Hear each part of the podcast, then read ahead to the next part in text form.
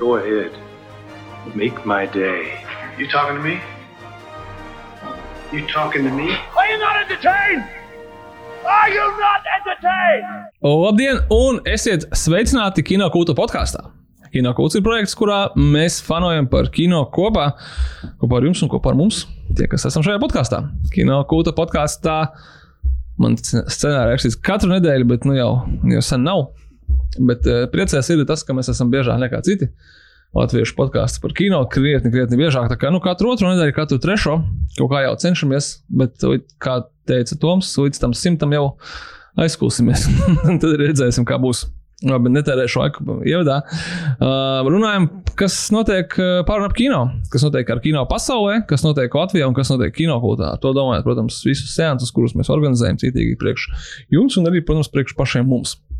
Šoreiz podkāstu vada kinokulta komanda sekojošā sastāvā. Tas būšu es, Sergejs Timoņins, podkāsta introgrāfs. Es domāju, jāpaliek arī tagad.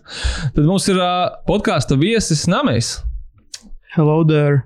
Podkāstu viesis Namējs ir arī ļoti sens mūsu sēnes apmeklētājs un vispār, es teiktu, tā kinokulta tuseņa dalībnieks visās iespējamajos veidos, kā var būt.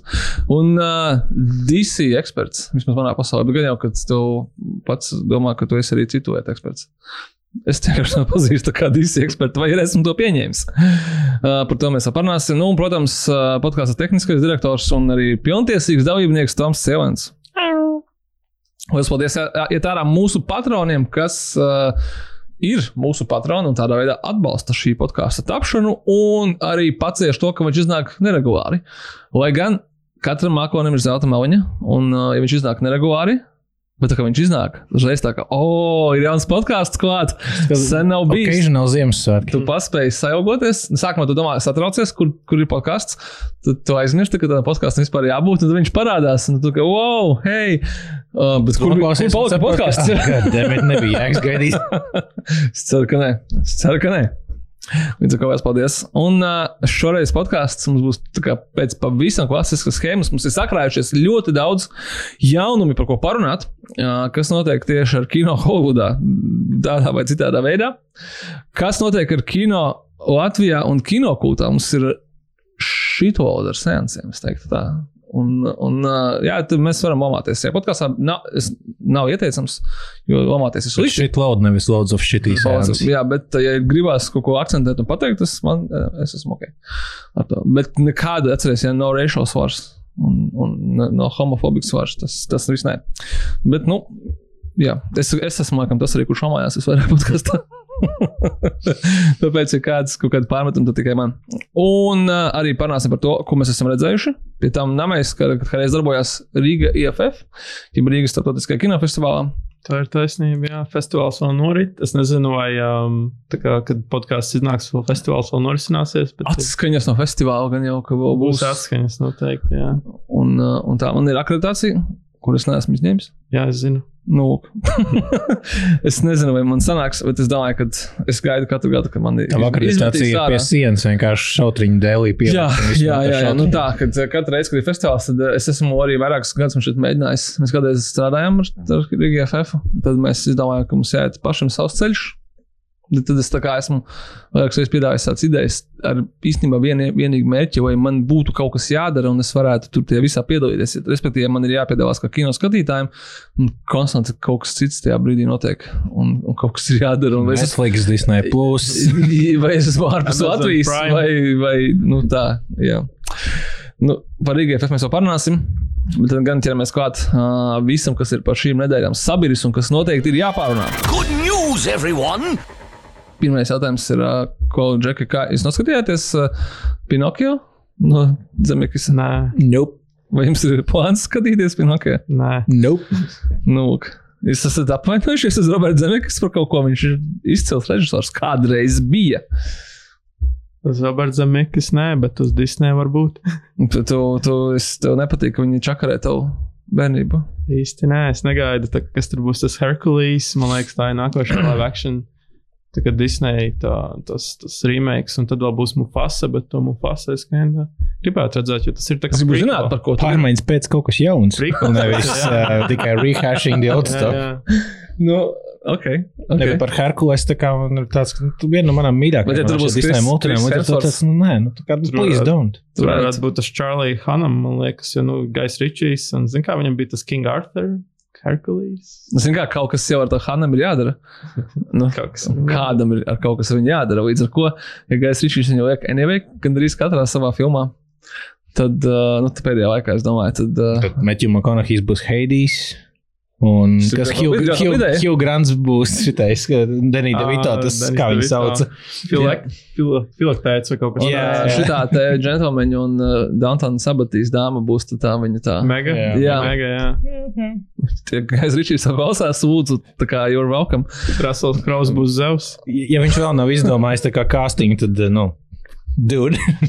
Nu, anyway, es gribēju teikt, ka tam zemekis būs jauna filma, no, no kuru viņš veidos kopā ar um, Eriku Rotu, scenāristu, kuru viņš kopā veidoja filmu Forests Gumps. Uh, un uh, vēl tur piedalīsies Toms Hanks, ar kuru viņš veidoja kopā filmu Forests Gumps, un Robina Raita, ar kuru viņš veidoja filmu Forests Gumps. Tā kā viņš ir kā nosīts, atgriezies atpakaļ pie vecās komandas un uh, mēģinās vēlreiz. Bet man liekas, ir grūti nosaukt vēl cilvēku, kurš man- nevar teikt, ka viņš beigas zemu kritis. Tādā ziņā, ka, nu, jebkurā gadījumā viņš ļoti nu, tālu, tālu kaut kādā ziņā no mums, bet cilvēks, kurš izveidoja atpakaļ nākotnē, kurš uh, izveidoja Forestu Gampu, kurš izveidoja mm, kontaktu, kurš izveidoja, nu, ko mēs varam nosaukt tādu no izcilām viņa filmām. Flight. Flight, viena no pēdējām. Es gan teiktu, ka viņa ir vienkārši laba, bet, uh, bet pēc tam kaut kas notika. Jā. Bet kaut kas. tam bija citādi izcila filma. Man liekas, ka tur kaut kas notika ar tiem, ka viņš ir ar tiem datoranimācijām ir iegājis Oh, jā, tik pareizi. dziļi, kad man ka viņš Beowulfs. iekāpa datorā un izkāpa ārā cits, cits Roberts Zemeks vai kaut kā tā, tāpēc, ka tā viņa apmācība ar, tā, ar to visu bija absolūti neizprotama. Un pēc tam vienkārši viņš sāk, nu, viņš turpināja veidot filmas, kas ir tā kā pēc vecā modeļa, bet kaut kas viņam vairs nestrādāja rītīgi, viņš vienkārši nevarēja. Uh, The Walk, man likās, ļoti tukša filma, un ļoti smuki uztaisīta, un uh, 3D efekts bija, toreiz skatījos, bija, nu, baiss, man, teiksim, bija tā kā neomulīgi. Ja tas bija mērķis, tad viņš ir sasniegts. Uh, Allied bija neslikta filma, kur var uzņemt pilnīgi cits cilvēks. Bet arī, ja tu skaties viņa 3D animācijas filmas, un tev ir neomulīgi, vai tas ir efekts, kur viņš gribēja sasniegt. Jā, un es, man ir kaut kā. Es saku, es viens no retiem cilvēkiem, kuriem bija diezgan neslikts iespējas par Beowulfu. Man liekas, tas, nu, nezinu, kaut kā, kaut kā man viņš patika, kad es viņu skatījos toreiz. Es viņu pagājušajos Ziemassvētkos, nezinu, kāpēc mēģināju noskatīties. Es tiku līdz tai ainai, kur eh, tas Grendels ārdās, eh, nu, tas bija kāds 20, 25 minūtes un es tā kā saprotu, ka es nevaru to, es nevaru to noskatīties, tas ir drausmīgi. Tas ir kaut kāds, kā, vārdarbības līmenis, kaut kā man pēkšņi sāk ļoti traucēt eh, kopā ar to kokainu animāciju, tukšajām acīm. Es vienkārši skatos, un es nesaprotu, kas, kāpēc man tas pat kādreiz patika. Un, un es, man, es biju reāli tā ļoti vīlies, man bija bēdīgi. Es domāju, nu, bāc. Sevī bija vīlies. Pēsts. Nē, nu tā, tā, tā nē, es biju vīlies, kad, kad, kad kaut kas. Jā, Kāds ir arī redzējis Raganas no Zemekis? vai? es. Nē. Okay. Mums nav HBO Max, un arī, ja būtu, es laikam kaut ko citu viņā ieslēgtu. Klau, nu, ka viņš uh, adaptēs tagad uh, komiksu, vai kā ārzemēs to sauc, graphic novel, uh, kas saucās Here, ar uh, diezgan interesantu ideju. Pie tam es liekas, ka interesanti, ka es savu to komiksu piefiksēju. Būs jāuzmeklē, vai kaut kur var nopirkt viņu online. Nu, tā kā nevis viņu pasūtīt, bet vai varbūt arī pasūtīt. Uh, viņš stāsta par uh, to, kā uh, mēs redzam kādu vietu, fizisku lokāciju uh, ASV New, New England uh, reģionā, kur uh, caur tūkstošiem gadu mēs redzam, kas tur tajā vietā notiek. Tā kā iet cauri, tur es pieņemu, ka droši vien kaut kādi, nezinu, sākumā indiāņi neandertālieši, un tad līdz mūsdienām vai kaut kā tā. Un uh, kaut kādā brīdī tur sāk kaut kāda ģimene dzīvot, un tā es centos neiedziļināties tajā visā. Uh, arī tāpēc, ka uh, es šitā izdarīju, kad bija līdzīgi, man liekas, šeit koncepta filma no Šamalāna, šitais Old, kuras uh, tajā brīdī, kad viņš paziņoja, ka viņš taisīs to Oldu, es atradu to franču komiksu, izlasīju. Šāds melnbalts atgādina From Hell. Ne, nu, negluži negulīt uzzīmēts, bet, nu, kā gaidīt kaut kādu superhero, tas nav tas. Viņš tāds, nu, schematisks, vai ne? Jā, jā. Tas ir viens no tam ar gala filmu ir tā kā 20% sakars. Nu, uh, gan saturiski, gan arī visvairāk stilistiski. Tas komiks ir tāds. Uh, Pretīgs, saturiski. Tāds franču, viņa baigi tur izņirgā kaut kā sabiedrība un tā tālāk. Nu, filmā tas viss nav. Filmā ir vairāk straightforward thrillers. Un tā, līdzīgi es esmu plāno, plānoju darīt šeit. Es ceru, ka, uh, ka es atcerēšos vienkārši to izdarīt. Tu vari pēc tam izlasīt komiks. Nu, pēc tam tas es- expectations. Tas nestrādā. Es nekad es noskatos, un es, es man nekad nav strādājis tā, ka es kaut ko noskatos, un tad es uh, adaptāciju un, un, un asu, teiksim, uh, oriģinālu. Es zaudēju interesi. Es nezinu, kāpēc tas ir personīgi, bet es tā centos tā izdarīt. Un vairākas reizes sapratu, ka ne, man jāizdara tas pirms tam, un pēc tam nebūs. Vai kā arī būtu, uh, Forests, uh, Fū, nevis Forests, bet Roberts Zemeks. Bet es nezinu, vai tur man šeit varbūt arī tā nebija pārteikšanās. Roberts Zemeks uh, ar Foresta Gampa komandu un gatavo mums uh, jaunu filmu. Un mēs ļoti ceram, ka izdosies. Un kad uh, nu, nu, vajag izšaut viņam vēl vismaz, vismaz vienu reizi. Lūdzu, Robert, uh, gaidām jā, 2023. gadā.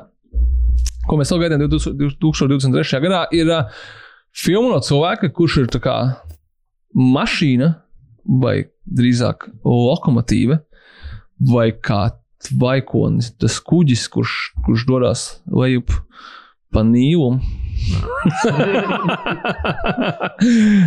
Tagad viņš dosies uz Veneciju. Kenets Brāns saņēma Oskaru par filmu Belfast. Sirsnīgi, brīnišķīgi filma. Man ļoti patika. Ja, hate is gonna hate, bet uh, man liekas, ļoti forša. Man arī ļoti patīk. Bet tā bija viena no trim man šeit viņa filmām tajā gadā. viņš absolūti ne, negrasās apstāties. Un uh, neskatoties uz to, kad uh, nāve uz Nīlas uh, tā, pārdzīvoja gan Covid, gan armiju Hammeru, gan arī visu. Un, uh, nu, nenopelnīja kaut ko viņi gribēja, bet manuprāt, arī viņi vienkārši maksāja vairāk nekā viņai vajadzētu maksāt. Nu, tā, uh, tad acīm redzami, ka Disneja pusē ļoti daudz cilvēku saspieda uz šo filmu poeju, un es nešaubos, ka tā arī bija. Es biju viens no tiem. Tu biji viens no tiem. Nu, redz, kā, uh, es arī kaut kādā ziņā domāju, ka varbūt ka šī filma vienlīdz labi strādā kinoteātrī, kur tu kopā ar citiem skaties, un tev ir tā, tas, tā, tā intriga. Bet viņa arī tāda, tā, ka tu vakarā apsēdies pie dīvāna, tu gribi kaut ko tādu, kur tu garantēti zini, kas tur būs, pat ja tu nezini, kas tur būs. Un, uh, Es vienlaikus ska- skatījos uz Artemiju Folu un uz uh, the Nile. Tu izdarīji pareizo. Es izdarīju izvēli. pareizo izvēli. Es neskatījos Artemiju Folu, kuras vēl joprojām neesmu nosties. Man Varbūt pārāk ļoti patīk tās grāmatas, un tā kā es iz, izlasot kaut kādas atsauksmes, ir tāds, ka vienkārši, nu, nē, es negribu sev tik ļoti, vienkārši, es tev tik ļoti neienīstoju sev to nodarīt. nu, labi, es neplānoju skatīties to filmu nekad. Man būtu vienkāršāk. Varbūt viņi šoreiz arī aizbrauks uz to Venēciju, un tad viņiem nevajadzēs to lielo piķu maksāt visos green screenos, jo, nu, Nīlā Kamēr viņa, liekas, nebija. Nav noslīkusi vēl tā Venecija. Tieši Iespējams, iespējams, es domāju, ka daudz no šiem cilvēkiem, kur ir, teiksim, tā, atkal ļoti, ļoti daudz pazīstamu aktieri, tie, kas vēl nav nogalināti iepriekšējās daļās, tādu vai citādu iemeslu dēļ. Uh, bet, nu, uh, Džeimis Dārnans, Mišela Jeo, Tīna Feja un uh, kas viņam te vēl ir? Keivija Rēlī. Nu, gan jau, kad uh, varbūt mums uh, procesā vēl kāds piebiedrosies, un uh, filma notiks, norisināsies chronoloģiski stipri vēlāk nekā iepriekšējās filmas. Tas nozīmē, ka mums vairs nebūs jāskatās tie flashbacki ar Kenetu Brānu, kurš manām neizskatās pēc 20 gadiem, bet cenšas parādīt, ka viņš ir 20 gadnieks. Viņam bija tas detonēts. Viņam būs vēl garāks ūsas, iespējams. vēl garāks Vai uzsvars. mazākas. Varbūt viņš būs ūsas. tievāks. Tur ir possibilities ar endless. Varbūt tur ir kaut kādas, kā, kad viņi noķer slikti un spīdzina un griež viņam pa, pa, pa milimetram tās ūsas nost, un tas ir sliktākais tortures, ko Erkļus pie Poro var izdzīvot. Es ceru, ka uh, viņiem ar aktieriem paveiksies labāk nekā nu, iepriekšējā filmā. Jo, nu, labi, ar Armiju Hammeru viss skaidrs ir, bet nu, tur bija Latīša Wright arī, man liekas, kas ir antivakseri. Mm. Un tad ar Galga Dotu arī, man liekas, tur bija tas, kad viņi atbalstīja to Palestīnas armiju. Imagine all the people. Imagine all the people, jā, un tad es šogad šurajā kastē ceru, ka viņiem labāk paveiksies, jo es nesen kaut ko lasīju par Jamie Dornanu, kad viņš kaut kādā seriāla laikā gatavojoties, stalkoja sievietes, un lai gan viņš, protams, teica, ka Tā, kur viņš killer tēloja? Jā, man liekas, tas bija tas seriāls. Jā, un tad viņš teica, ka viņš kā kaut kādai sievietei tur izkāpa no vilciena vai no metro, un tad viņš tur seko līdz mājām, un tad viņš saprata, ka cik tas weird ir. Un viņš it kā solījās, ka viņš vairs to nedarīs, bet, nu, nav kas redzētu All daudz habits spēkot die. šobrīd vai nē. Bet man ir redzams, ka vēl kad ir sieviešu gribu viņam sekot, un Džeimis Donants. es tā kā labprāt viņu vēl četras reizes apkārt kvartālam, jas tikai, lai viņš viņam turpinātu sekot. Bet es saprotu, es, nu, tā man šeit mēs varam nokancēt katru absolūti aktieru un kaut ko viņam atrast, bet nu, skaidrs, ka, nu, kad armijas hammers tas nebūs. Jā. Anyway, es domāju, ka par šo filmu viss ir skaidrs. Mēs nākamais tiekamies, jau vai nu mēs kaut kur viņu skatāmies, un vai nu tas ir Disney puses, kas arī būtu nav tas sliktākais. Uh, pirms uh, podkāstu ierakstā sākuma tieši aizrunājāmies par mūsu mīļāko tēmu, Morbijus. Izglābjot jūs no tā. Bet uh, uh, kāpēc Morbijus? Tāpēc, kad uh, Jareds Leto, uh, Oskar balvas ieguvējs Jareds Leto, atveidos nevienu citu kā Kāru Agrefeldu. Nu, no droši vien no aktieriem, nu, nevis no aktieriem, bet no cilvēkiem, kurus viņš vēl nav atveidojis. Karls Lagrafovs neizskatās pēc Džerada Leto, bet no otras puses, vai tas kādreiz ir traucējis Džeradam Leto? Vai tas viņam ir traucējis vēl kādu akcentu izdomāt? Man liekas, ka tas kaut kā tā ir. Bet nu, tā ziņā, ka viņš ir cilvēks, kurš ir kaut kādā ziņā pietuvināts arī modes pasaulē. Tā kā šī izvēle ir saprotama. No vienas puses, no otras puses, nu, jā, tur kā, tas ļoti interesanti izklausās. Lai gan Džerets Leto, kā Kārls Lagrafovs uz plakāta, kurš obviously ir melnbalts un kā gan citādi. Uh, izklausās gan intriģējoši. Neko mēs uh, vairāk pagarām par to nezinām, izņemot to tikai, kad uh, viņš būs arī šīs filmas producents. Tā kā, nu, laikam jau kādā ziņā viņš būs lēmējis par to, kā to Kāru Lagrafonu parādīs uz ekrāna. Bet kā minimums, uh, es domāju, ka vienkārši tie Kāru Lagrafonu mantinieki, vai tie, kas tur to zīmolu, viņi apsties uz Gucci, paskatījās uz uh, pārdošanas apjomiem, kas izauga viņi tādi. Jep, mums arī vajag savu filmu. Un mums vēl ir redzēta, kāda Viņi no, paskatījās uz, kāda no uz, tās uz, uz, filmas? uz visām šiem red karpetiem, kā Džerets izskatās, kādos starpos viņš ierodās un bija tāds. Skaidrs. izgāja. viņš palīdzēja Gucci, viņš palīdzēs arī mums. Nu, es ceru, ka arī, uh, arī būs uh, kaut kur turpat netālu. Nu, kā sauc viņu kolēģi no filmas? Pilnīgi Ad- izskatīt no galvas ārā. No kuras filmas? No Gucci filmas. Ah, Adam Driver? Jā, tieši tā. Redams Drivers. Nu, Es domāju, tu Edīgi Gagni var atcerēties. ne, tu. Un tas varētu būt tāds brīnišķīgs, brīnišķīgs re- reunions. Ja jūs uh, dzīvē ir uh, pietraucis uh, Cloverfield filmu, kuras ir šobrīd trīs, un visas diezgan dažādas, arī kvalitātes ziņā, tad uh, man liels prieks jums pateikt, ka uh, šobrīd tiek gatavota arī ceturtā daļa, nē, bet ceturtā filma. Es tieši negribētu pārvērst šo par uh, 20 minūšu uh, off-topic spāmu par to, ko es domāju par katru no Cloverfield filmām. Viņas ir vai nav saistītas, uh, bet izņemot to, ka uh, šo filmu arī, protams, producēs G.J. Abrams. Mēs vēl nezinām, vai viņa būs kinoteātrī, vai viņa būs uzreiz Netflixā vai kādā citā platformā. Lai gan atcerēsimies, ka Paramountam tagad ir sava platforma, Paramount Plus, kurā viņi diezgan uzstājīgi cenšas nopūdināt lielāko daļu ar savām filmām, kas nav Top Guns, vai kur nav Mission Impossible, vai kur nestāv kā Toms Krūss un saka, tā kā Over My Dead Body šis filmas debīli vai kā? Jā, nu tieši tā, tāpēc, ka man šeit, ka pārējie, ja ik pa brīdim es kaut ko redzu, es domāju, kas atkal ir nopūts, un es saprotu, ka nopūtas kārtējā Paramount, Paramount filmu no viņas servisa, kurš mums oficiāli nav pieejams. Lai kā arī būtu, man ir ļoti iepriecināja, uh, iepriecināja režisors, kurš veido šo filmu, tas ir Babaks Anvari. Babaks Anvari, cilvēks ar varbūt kādam savādu vārdu, ir um, britu uh, režisors ar irāņu izcelsmes. Uh, man liekas, persiešu izcelsme Persiešu, bija. jā. uh, kuram ir tāda filma kā Under the Shadow, viena no uh, pēdējo daudzu gadu droši vien atzītākajām vampīru filmām, un uh, kuram bija nesen Netflixā trilers, kurš man likās pēc apraksta ļoti banāls. I came by, ja es pareizi atceros.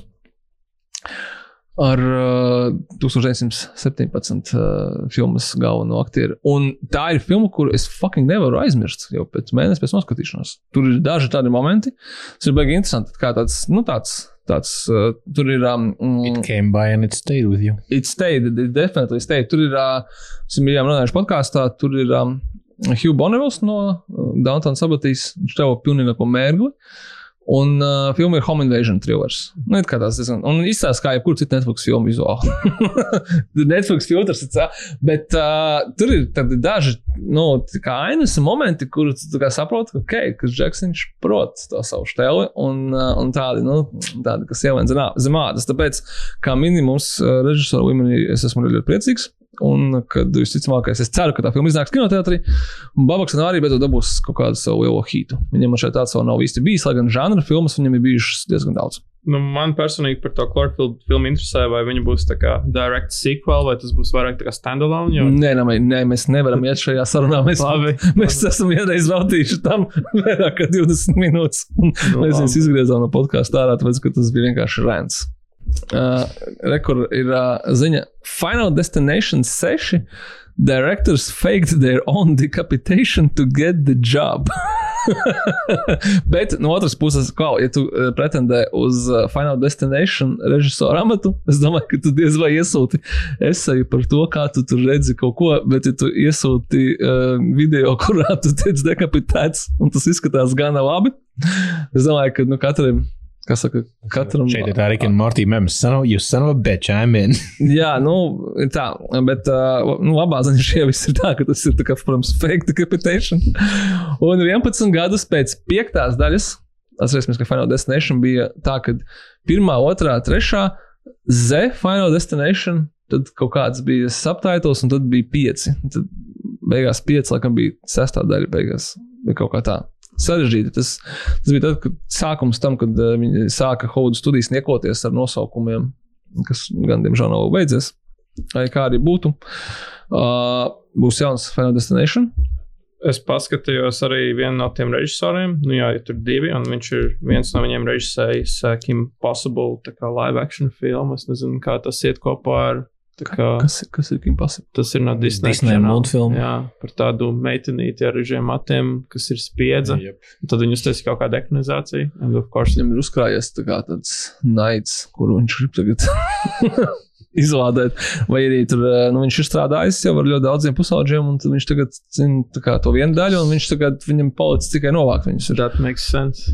Tā, mēs esam runājuši podkāstā jau par Final Destination daļu. uh, Tādā sakarā, ka viņai ir producents un arī stāsta autors, jeb kurš sarakstījis treatmentu, Džons Vats. Kuram, nu jā, tas pats, kurš no, no Spider-Man. uh, un, uh, un Copcar, un tas bija ļoti interesanti. Un tad mums tieši runāja par to, ka iespējams Džons Vats vienkārši viņam patīk Final Destination. un Viņš tā kā, oh, tagad man ir iespēja darīt visu, ko es gribu. So es uzrakstīšu savu stāstu Final Destination pasaulē.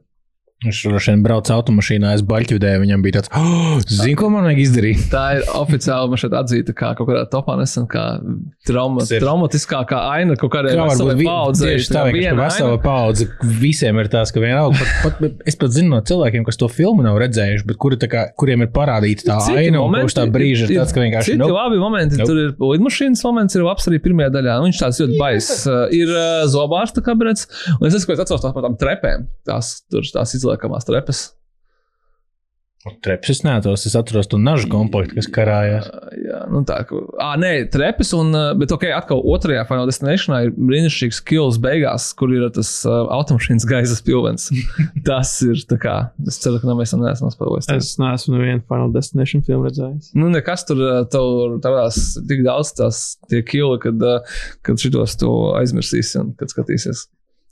Tas varētu būt interesants maratons, bet Final Destination. diezgan heavy. Nu jā, tas, ir- tas nav tāds, ko vienkārši, oh, tur trīs filmas vienā vakarā. Films arī paliek Mm. progresīvi Jā, katru nākamo.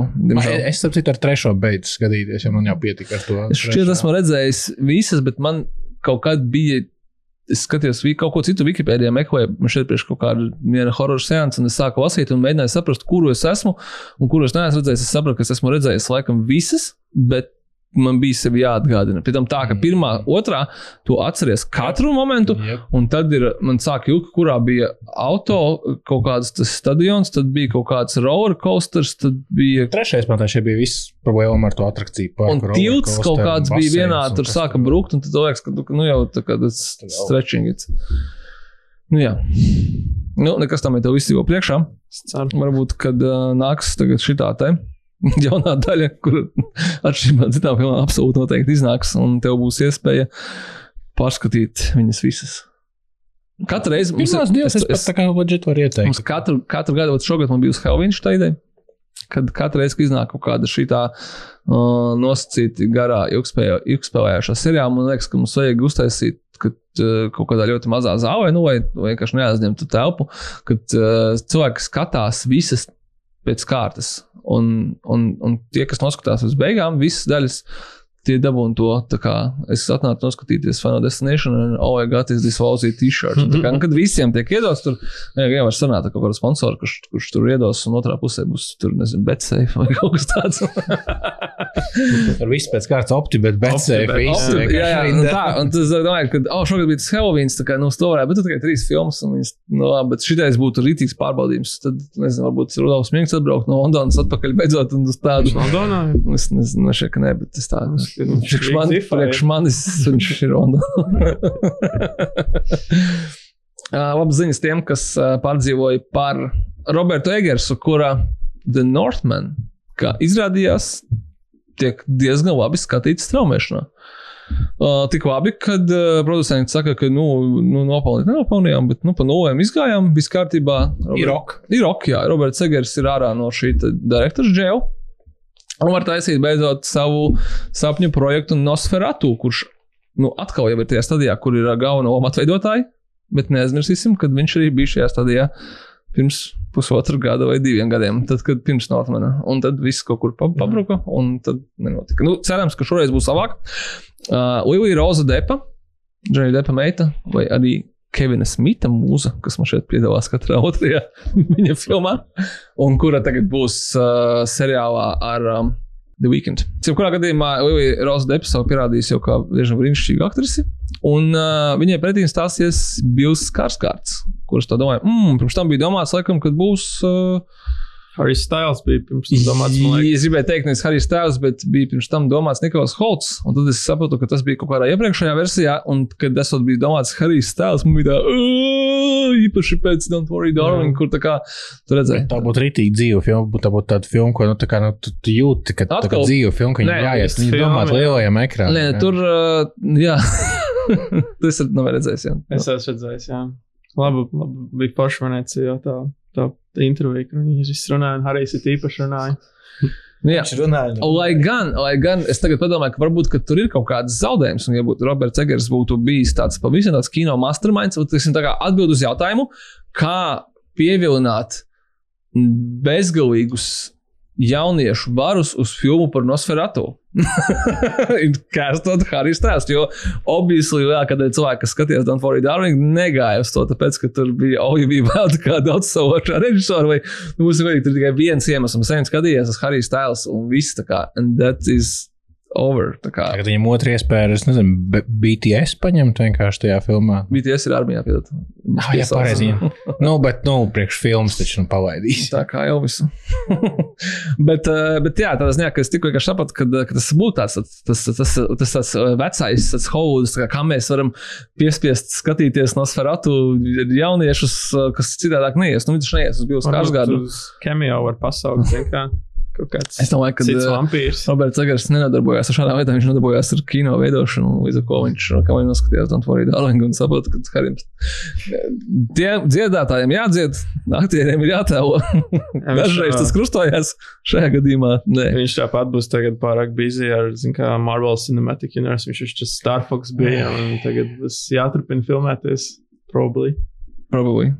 Vai arī tāpat kā ar pārējiem Eternals. Mēs zinām, ka viņi kaut kur tur blakus ir. Mēs jūtam viņus, bet mēs viņus vairs neredzam. tā, Nē, not my jurisdiction. Nu, jebkurā gadījumā ļoti, ļoti gāriem no Sfaratu, tāpēc, kad uh, Roberts Egers to gatavoja man šeit pirms Switch, pēc tam pirms uh, Whitehouse, pirms Northmana. Un Cerams, ka tagad beidzot mums arī sagatavos. Uh, it kā jau, kad uh, viņš teica, ka būs šot uh, tāda ļoti straightforward remakes, faithful, es gribēju teikt. Anglicismu pilnajā podkāstā. Es pamanīju, ka viņu producē Kris Kolumbus. Kaut kādiem iemesliem dēļ.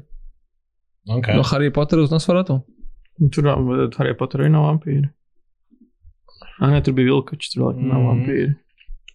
Uh, Paturpināt ar remakiem. Un vēl viens remakes, kurš uh, man personīgi sako līdzi, manuprāt, ļoti, ļoti ilgu laiku, kopš es interesējos par kino, ir Barbarella remakes. Ordināli, es diemžēl neesmu redzējis. Es arī. mēģināju skatīties. Man liekas, ka nu, es mēģināju skatīties, ka man bija kaut kādi 11 gadi, un tad es tā kā nesapratu, un varbūt tas tagad varētu saņemties, kā jau minēju, pirms iznāk tas rīmēks, un pēc tam droši vien, ka man negribēsies. Nu, man, man bija grūti, ka es, es nevarēju tās kartona dekorācijas visas izturēt. Nu, tā kaut kā. Bet uh, filmā nav par to. Tur jau jāstāsta, tur ir stils, tur ir uzdrīkstēšanās, tur ir uh, Džeina Fonda. Uh, tā kā ļoti daudz cilvēku ir mēģinājuši man šeit viņu rīmēkot, sākot ar uh, Robertu Rodrīgezu un beidzot ar Kristofu Gansu, manuprāt. Mm. Vai kādu no šiem, te, vai ne, Aleksandrs Adža bija viens no tiem jaunajiem, nosacītiem jauniem franču režisoriem, bet nevienam tas īsti nav izdevies. Kad mēģināja taisīt gan filmu, gan seriālu, kad seriāli bija aktuāli, balstoties uz filmām. Bet, no acīm redzot, kad beidzot kādam izdosies. Un uh, Sidnijas Vīnī, kuru mēs esam redzējuši seriālos Eifórija un White Lotus, es skatījušies daudz HBO. Uh, studijās Sony veidos attiecīgi Barbarelas remake, un orināls bija savā laikam ļoti atklāts, izaicinoši atklāts. Tad nu redzēsim, ko tad viņi mums piedāvās mūsdienās. Īpaši cilvēki, kas taisa eifóriju, kurā tā vēlas, jau viss jau ir parādīts, un nu, tā kā vairāk īstenībā šeit nav ko. Fun fact, vispār šī ir tā kā otrā Sydnejas Svinijas komiks filma, kas ir zem Sony. Pirmā ir nu Madam Web, tā kā viņai jau. Bet te nebūs, pagaid, viņa būs? Viņa būs Madam Web, viņa būs tur. Ja es tagad pareizi. Ne Dakota Johnson? Nē, nē, Dakota Johnson būs Madam Web, bet viņa arī būs tā kā, nu. Ah, viņas abas tur būs. Viņas abas tur būs, jā, jā. Un tad tā Sidnijas Vinī tur būs Julia Carpenter, ja es nemaldos. Tas viņa būs arī kā kaut kāda cita vēl versija. Tam. Nu, Viņa būs arī tēls, kas paliek komiksos arī Aha. pēc tam par to medāmu, bet, nu, jā, stāst nu, par to. Un tad uh, Es visu laiku to barb Barbarella jaucu ar Barb Wires. es saprotu, ka tās filmas nav saistītas, bet man kaut kā. Es tā headline redzēju, un tāds bija tā, tā filma ar to Pamela Andersonu. Jā, un tad es ienāku Wikipēdijā, kas, ah, nē, tās ir divas atsevišķas filmas, never mind. Jā. Man tikai vairāk interesē tas, ka tas tēls ir tād, tā, tā ļoti revealing. Un es arī apskatījos Wikipēdijā, nu, kāds ir tas tēls, tas Barbarella apraksts. Viņa ir tā kā jauna sieviete, kas pa, ceļo pa kosmosu, nodarbojas ar seksu ar ciplanētiešiem. Tur tas ir daudz iesaistīts, uh, bet tādā, nu, plotwise, teiksim tā. Nevis Jā. vienkārši kā tāpatās. Uh, nu, re, kur uh, Maikls Bejs producē šo versiju. Tā kā kaut ko droši vien mēs no tā varam pasmalties. Kā minimums, droši vien izskatīsies labi. Un, un uh, es domāju, ka jā, par viņas kaut kādiem at, at, visu parādošiem kostīmiem baigi jāsatraucās šajā gadījumā. Kas attiecas uz saturu, tad uh, scenārija autors ir uh, tas pats cilvēks, kas rakstīja The King's Man, kuram scenārijs, es teiktu, bija putra. Bet kaut kādā ziņā viņš bija, nu, varbūt tas ir tieši tas, kas šeit ir vajadzīgs. Tādā ziņā, ka viņš ir grotesks vai notiek vis kaut kādas lietas nepārtraukti. Nu, Kingsman scenārijs šaudījās nepārtraukti no viena gala uz otru. Un uh, varbūt arī tas nav sliktākais, ko mēs no, šā, no šī visa varam sagaidīt. Es ceru, ja tiks līdz filmai, tāpēc, kā jau minēju, kur bija pareizi, kas bija trešais cilvēks, nevis Roberts Rodrīgas, kurš arī bija, bet uh, Nikolas Indings Refens bija tas, kurš gribēja. Aleksandrs Adžunjāns Refens, un nevienam tas neizdevās. Nu, cerams, ka uh, jaunajai komandai, kur gan režisors nav paziņots, bet, uh, bet nu, zem Maikla Beja Fingers crossed. Gan jau atradīs kādu. Nu, kā. Būtu interesanti apspriest, ko no Barbara Evas var izspiest mūsdienās. Uh, projekts, kuru mēs negaidījām uzzināt. Uh, mēs tagad pāriesim pie komēdijas daļas, tāpēc, kā mēs zinām, mūsdienās ar komēdijām ir diezgan grūti Kas ir pēdējā komēdija, nemē, ko tas redzējis? Uh, vispār es šajām par šo headline gribēju arī pateikt par Chip un pale, pareklamēt, cik ļoti laba tā ir filma un ka visiem jāskatās Chip un Dale filmu. Jo tas režisors, kas tagad režisērs, uh, nu, par to, ko Jā. tagad runāsi, viņam ir ļoti laba filma. Šogad iznākusi Chips and Dale's Rescue Rangers. Un, uh, Man liekas, ka tā filma ir baigi. Nu, viņai bija kaut kāds 70 miljonu budžets, man liekas, un viņa rītīgi. Kā, nu, galīgi es nedzirdu, ka neviens par viņu runātu. Uh, Ja viņa iznāca Disney, viņa Disney.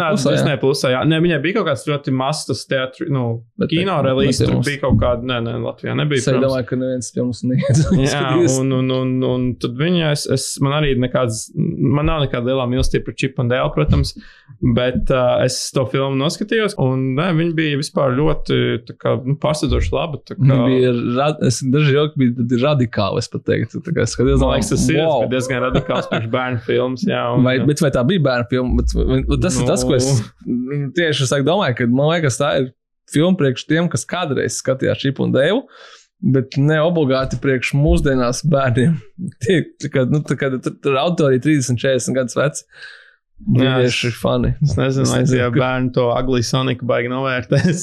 Es nezinu, vai tur nesaku tikai šie joki, kas tur ir. Nu, kā tādi, hmm, šis ir tā, ka nu, tur ir jāzina kaut kādas lietas ļoti padziļināti. Jā, mēs kā reiz runājām par Robertu Zemekis, un tur bija vēl par to filmu. ja Aglis atceries. Sonics. Nē, nē, nē, Tiem Dead Eyes. Jā, jā, jā. jā. Nu, tas, ka, tas, ka tur ir ļoti daudz specifiska humora. Jā. Tas, ko mēs gribētu visu pateikt, kad uh, režisors uh, Akivas Šefers, jā, kurš mums ir devis uh, ne tikai Čipu un Dievu, bet arī uh, Lonely Island klipus un arī filmas Hot Rod, Popstar. Popstar. Uh, iespējams, ja viss izvērtīsies labi, veidos uh, Naked Gun, jeb kailā ieroča rebootu ar galvenajā lomā Lajumu Nisonu. Uh, cik es saprotu, negluži Leslija Nilsona lomā, bet viņa dēla lomā. Viņa Lajam Nilsonam ir 75 gadi. Vai? Cik tas tā kā un kaut kā grūti saprast par to dēlu ko- konceptu, bet, nu, labi, lai, lai, lai, lai tas tā paliek. Man liekas, ka tā pati ideja ir ļoti, nu, smieklīga jau, Lajams Nilsons.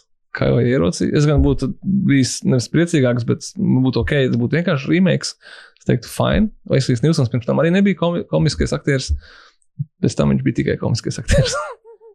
Viņš jau Liams Nīsens, man liekas, viņš nav bijis baigās komēdijas. Vienīgā komēdija pēdējās, ko es varu ie- iztēloties, ir Lego. Taken movie. 3. Nu, tas bija mans otrais jautājums, vai Taken ir komēdijas. Uz pēc otrā daļas man šeit, jā. Arī daudz tās viņa filmas pēc tam kļūst par komēdijām, bet nu, tad nu, neplānotām. Nē, bet- Gan jau ir daudz nesmējās. Retais tikai smējās. Kā uz to skatās? Nu, jā. Piedod, jā, ko tur bija? Es pārtraucu. Nē, es vienkārši gribēju teikt, ka, nu, kad, uh, ja, jo es, ja es pareizi atceros, es nekad gan filmas ļoti sen neesmu skatījies, bet tur jau arī tā doma ir. Es Arī... droši, ka vajag. Atvainojos?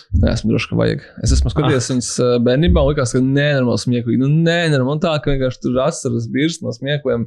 Jā, tur vēders jāliek video, kas ir uz pauzes un tā, bet man ir sajūta, ka, ka nu, nebūs tagad tas, nu, kā, ka tas humors ir. Labākajā gadījumā ļoti novecojis. Sliktākajā gadījumā viņš ir novecojis, un tu vairs saproti, ka šī tāda jokot nedrīkst. Es tāpēc neskatos un neaiztieku. Smart. Bet varbūt, kad uh, kāds no mūsu klausītājiem noskatīsies un, un pateiks. Un tā, bet kādreiz likās ļoti smieklīgi. Un tad kaut kādas tās bezgalīgās komēdijas, kas viņam bija, viņam bija The Fugitive, kaut kāda parodija, Drakulas parodija, Spy Hard vai kā tas Spy Hard, jā, Tā Spy Hard, ja nemaldos, ir Disney pusē. Tā kā, ja, ja O- ir iekšā, o. tad var pieķerties un noskatīties. jo. Tad Nu, saprast, vai ir jēga ķerties pie nekad gan vecajiem. nu nē, nu, zin kā, nekad gan bija tomēr tā kā kvalitatīvi. Tie pēc tam bija kaut kādi jau tur epic movie līmenī. Spy Hard ir īsta filma. Jā. Okay. it's, a, it's a real movie. It feels like a movie. Paldies, Harim Stēls, un tā kā viņš mums ir devis, devis ļoti daudz. Izklausās Nezinot. pēc, izklausās pēc tās filmas, kad nu, tev ir kaut kādas fakās filmas. Tas tas filmā. pēc porno filmu, pēc tam godīgi. Filmas. es esmu diezgan drošs, ka, ja mēs iegūsim attiecīgajā resursā, mēs atradīsim tādu filmu, bet mēs neiesakām to darīt jums, bet, nu, ja gribat, tad Un arī tajā iespējams būs Leslijas Nilsons. nu, redz, tomēr kaut kas tur ir tajā visā. Tā kā, tā kā nu, droši vien, kad būs smieklīgi. Uh, community būs filma. Six seasons in the movie. Man ļoti patīk, man ļoti patīk community. Es esmu redzējis pirmās trīs sezonas. Kaut kur pēc tam es nolicu. Neatgriezos. Es redzēju visas trīs sezonas. Ir tās pirmās trīs sērijas. Jā. Nē, community ir. Community ir. vismaz viens cilvēks šeit podkāstā, kurš mums, nu, kā kinokūts, ir community fani. Bet, Jā. bet jā, Es esmu laikam trīs reizes noskatījies visu visu, sezonu. visu līdz beigām. Arī to kaut kādu to Yahoo sezonu, kas tur Jā. Yes. Un tā. Zini, kā es, nezinu, es tagad skatos klusām mājās, ko viņi vakar uzlika Arrested Development, kas, manuprāt, ir kaut kāda, nu, nav savu, nu, viņi var salīdzināt. Arī seriāls ar grūtu likteni nosauksim tā, kur tur mētāja visu laiku, bet, nu, viņam vismaz tikai trīs sezonas ir priekš manis. Tas ir ieskaitot no tās Netflix sezonas. Nu, jā, tāda nav. Tur Ah, nesaprotu, ok. nav. Tā vēl nav par ko tur runāt. Man ir divi, divi sets ar trim sezonām, un viss tur ir ļoti labi. Trešā sezona bija šim parāda beidzās, un tur viņš vajag, bet, nu, whatever. Nu, tā. Līdz ar to vienkārši tā ir tāda man sajūta par community filmu, un man ir tādas par, par šīm filmām. Ir, nu, skaidrs, ka vienmēr, jau, vienmēr ir Top Gun Maverick, vai ne? Tā kā vienmēr ir 38 gadus vēlāk sīkos, kurš ir ļoti, ļoti labs, bet man kaut kā, es vienmēr šito iedomājos kaut kādu to Veronikas Mārsas filmu, kas man kādreiz kā seriāls ļoti patika. Tad tur crowdfundoja kaut kādu kapeiku, kapeiku lasīju. Crowdfundoja filmu. jā, Klasi, es arī piemetu kaut Amazon kādus- uztaisīja seriālu, Mm, nē, varbūt viens no. bija? Jā, jā, seriālā pēc tam bija vēl viena sezona. jā, jā. O, es nezinu. Tā filma jau bija tāda, tā kā, tu, tā kā, varbūt tā kā saproti, ka, ka pats esi samaksājis un kā grēks žēloties, mm. bet, uh, bet nav tas vairs. Un man ir, man ir tāds sajūta, ka absolūti, ka tad community varbūt arī bija kaut kāds tāds. Jo man liekas, ka Resta development gadījumā uh, viņš bija tik labs, tāpēc, ka viņi visu laiku tā kā sēdēja, taisīja, nu, rakstīja tās sērijas un redz, ka aiz durvīm katrs cilvēks kas nāk, viņam jau liekas, ka viss tā kā nāk mēbeles nes ārā. Nu, viņi konstanti ir uz cancellation robežas, un tas kaut kādā ziņā dod tādu enerģiju, ka viņi atbrīvo, nu, ka ja viņi var rakstīt, jebko, mums nav gatavīgi cancelos. Ir skaidrs, ka visi būs slikti, un uh, ar community man šeit bija līdzīgi, ka kā, viņi visu laiku bija tādi underdogs, un tad, kad tu esi underdogs, kad tu vari pateikt, ah, fuck, that shit, vai taisam, vat šitā to seriju, neko nav jāievēro un tā tālāk. Un tad, kad tu to dari, sāc darīt apzināti, tad nu, tas parasti nesanāk, tā enerģija vairs nav tur. Tā ir arī man lielā bažas par futuram. Oh, jā, būs Būs sezona. futuram jauna sezona. un tā kā, nu, aizmirstiet. Vai Sorry. būs good news, everyone? Ne, Idiots that man jau- cancelled us got fired for jau- incompetency. Man jau bija tas, tajā, tie, tas, tas tur daudzās filmas, kas par to sezonu tika pārtaisītas. Filmas, es laikam, tā kā, nu, tā, cik viņiem tur ir tās filmas, filmas. Bet kas tā ir tā kā- Es laikam nevienu Pagad, redzējis. ja es neko nejaucu, tad tās ir četras filmas, kuras īstenībā ir 12 sērijas. Jā, Nu, ka viņas bija tā uztaisītas, ka kā, Ah, tipa, viņas tika samontētas kopā. Jā. Viņas pārraida kā filmas, pārdeva tipu DVD, un pēc tam tas tika pārmontēts atpakaļ par sezonu, kurai ir 12 sērijas, katra pa pusstundu, kas kopā sanāk četras. Filmas, nu, kā, kas ir eh, se- sezona, kas sastāv no četriem storylainiem, katrs pa trim sērijām. Nu, kaut kā tā. Jo es atceros, ka es sāku skatīties tās sērijas, un es tā kā, ah, this is that movie, es savu kaut kādu, bet tā filma jau arī bija tāda, nu, ka tā kā kaut kas tā kā vairs nav. Mm. Varbūt, mēs, varbūt, varbūt mēs neesam vienkārši vairs tie. Tā, nu, nezinu. Man grūti, jā, man tāds, tādi, tāpēc es esmu skeptisks arī par to, par to community. Bišķiņ kaut kādās dienā, lai gan droši vien, ka centīsies un tā, bet nebūs arī aktieru, nebūs daudz, kas no labi čevis čevis. Es, es, Šeit nebūs, jā. diemžēl, vai par laimi, nezinu, kas, nu, kad es, kad es skatījos, viņš bija. Un ar to sezonu es beidzu skatīties, un, un tā. Nu, ka es zinu, ka viņš tur ķipa, beigās ēs un tā tālāk, bet Donalds Govers, Donalds Glover. kas tam notika? Viņš vienkārši gribēja darīt savas lietas. Jā, filmē Lando Kalisiens seriāls vienkārši. Ah, jā, varbūt tāds bija, man liekas, tagad būs. arī būs. Būs, būs. Taču būs. saku. Nu, kaut ko tur es esmu dzirdējis, ka būs, bet Ir bijis kopš tā laika kaut kāda vēl ziņas, ka kaut kas tiešām Tiešām tiek tā, darīts. kaut kas tur notiek, kaut ko es tur, tur sēžu Star Wars līnijas subredditā un ik pa laikam dzēdz, ka tas reāls atdzīvojās, tur kaut kas tur notiek. Bet Star Wars laikam subredditā- ataudzēja ūsus, un tad atkal nodzer, un tad atkal atkal Tas ir tas nodzer. kurā katru nedēļu kāds raksta, ka visi jau, viņš jau redzēja, ka, ka Ketlina Kenedija jau ir izbraukusi ārā ar visām mantām no biroja. Visi tuvīt jau šampi atveram, džeki, bišķi pagaidām, vēl tuvīt būs oficiālās ziņas, un tā katru nedēļu jauns līks, un tad viņi tiek pagarināti vēl līdz ir 2059. gadam vai kaut kā tā saplānots. Nu, jā, es tā. Bet varbūt, varbūt kad, kad šis būs. Kad es redzēšu viņu, tad es. Bet nu, viens arī Andoru negaidīja, tā kā no otras puses. Tu Andoru skaties? Nē.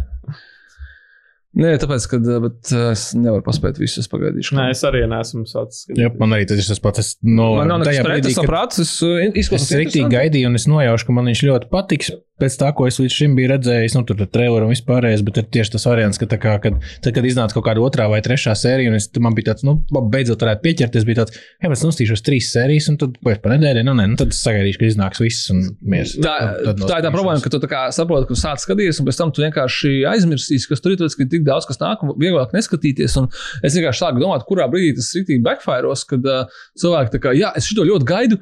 Un es viņu reāli tagad neskatos, un tad viņi mēra kaut kādu tur Nielsen reitingus, un viens to seriālu neskatās, un viņš tiek nokancelots, tāpēc, ka visi gaidīja. Tu nevari, tur ir jābūt kaut kādam tam keisam, tu nevari skatīties paralēli 15 dažādus seriālus, un tad, kad tu vienkārši zini, ka viņš iznāks, un tu esi jau pieredzis, kā, ka tu tā varētu. Tagad arī Netflix sāks bojāt ārā atpakaļ pa nedēļām, nu, vai vismaz dalīt kaut kādos segmentos. Tā kā man ir ļoti interesanti, jā, kā, kurā brīdī tas reāli tā kā backfire tieši reitingos, mm. ka cilvēki neskatās, jo viņi gaida to, ko viņiem, kas viņiem patīk. Bet man interesanti ir tas, ka vismaz nezinu, kā var, vai tas ir vienkārši kaut kā burbulītē netrāpās, bet Andorra nav tas seriāls, kur tā kā ir, nu, ka tur visi nenormāli tagad apspiež tās noskatās, visiem ir tāds, jā, šitā sērija, tur, tur tas notika, šitais notika, bija cool, bet nu, tas nav tā kā, nu, tur, tā kā, tur, nezinu, Mandalorian sērijas, ka tur apmēram, tur, oh, tur parādījās tas un šitais, un tur, tur, jūs neticēsiet, kas tur bija, nu, nav tik tā ažitāžu, tik, tik, tik liela. parādījās. Bet, nu jā, par to Andoru ir tā, ka viņam tikai divas sezonas būs. tā Tas jau nebūs tā, ka mm. viņi tur nokancelos pirms laika. Viņi jau, man liekas, kaut kad drīz arī sāks otro sezonu filmēt. Un, man liekas, kaut kāds 26 sērijas būs kopā kaut kas tāds. Tā bija, tā es saprotu. Un Jā. tad viss. And I'm really happy about it. Jā. Nav jāstiep garumā, tas, kur nav ko stiept. Nav ko Tā stiep. kā vienkārši izstāsta stāstu no A līdz Z un mieras. Šī, šī bija ziņa par community. Jā. Kā vienmēr. nu, labi, gaidām, gaidām arī to. Varbūt, ka, varbūt, ka Dans Harmons parādīs klasi, kā vajag atgriezt atpakaļ uh, seriāls, kas ar, bija ar Troubled Production un tā tālāk. Kā jums patīk ziņa par to, ka būs jauns amerikāņu pīrāgs? Krikets chipping. jā. Crickets. es plēšu godīgi, es liekas, esmu vienu redzējis, vai varbūt vienu vai, vai pusi. Es neesmu tā kā rītīgi, neesmu tas filmas mērķa auditorija. Es redzēju, kā, es uh, strādāju Rīgā FFA, es vispār neesmu šis pīrāgi. Tas ir beneath me. Tā, ka, nē, nē, nē, es laikam esmu visu līdz beta house redzējis, un tad es noskatījos to, kas bija tas, nu, oficiālais, tas viņa reunions veco. Bet to, kas tur bija pēc beta house, tur kaut kāda tos vairs man nebija iekšā. Es laikam tā kā bišķi izaugu, un pat man sāk šķist pārāk debili. Vai mēs varam, piemēram, izdomāt tādu schēmu, kur mēs izdomājam, kādas filmas varētu būt amerikāņu pīrāgu turpinājums, piemēram, American Sniper. Ir tā kā tas tur Oz, kurš ir visu laiku frustrēts. Un tad viņš aizgāja karot, kļuva par sniperu un sāka šaut cilvēkus citādā veidā, nekā viņš, teiksim, nevarēja dabūt tajā savā skolā. American Hustle. American Hustle, jā. American, kas vēl mums ir bijis. American Horror Story. Jā, tas bija. uh, kā es nezinu, tad uh, amerikāņu pīrāgi man šeit kopā ir kaut kur virs 12. Daudz viņi ir. Bet tie nav īstie, tie nav īstie, īstie četri. Ja? Jā. American Pie, Pie 2, American Wedding un American Reunion. Tas ir četras daļas. Tas ir, kur ir Jims un. Džima tētis. Džima tētis ir arī tajās tētis ir kreisajās, jā. arī, jā. Viņš ir vienīgā pastāvīgā lieta, laikam, tajā visā, sauksim to par franšīzi. Džima tur nav. Man ir uh, tikai viens. Ne, un, un tagad, nu, tā ziņa ir tāda, kāpēc mēs tagad vispār par to runājam, kad būs jauns amerikāņu pīrāgs un viņu veidos vispār pilnīgi citi cilvēki. Es nezinu, vai tur būs Džima tēts vai Stiflera mamma vai, vai pats Stiflers. So, un tā būs uh, Insecure uh, aktrise Sujata Day, tā indiešu izcelsmes aktrise. Un kas sola, ka viņa kā, to visu asvaidzinās un parādīs no jauna. Bet es, es gan domāju, es domāju, ka viņa vienkārši ir ļoti gudra sieviete. un tā kā Skatās, tā kā, kas sen nav bijis. Un ko man varētu iedot? Un, ka ķipa, viņi kā aiziet un kā uzstājas, nu, kā tāds biznesa projekts. Tad domā, hmm, ja es paprasīšu amerikāņu pīrāgu, tad uh, kaina kā šī brīža tāds, tas, tas klimats, viņi kā nevar man neiedot. Ķipa, nu, man jāparāda tas ir sieviešu skatījums, bet es varētu šitā izbraukt, nu, tā kā uztaisīt populāru filmu no populāras frančīzes.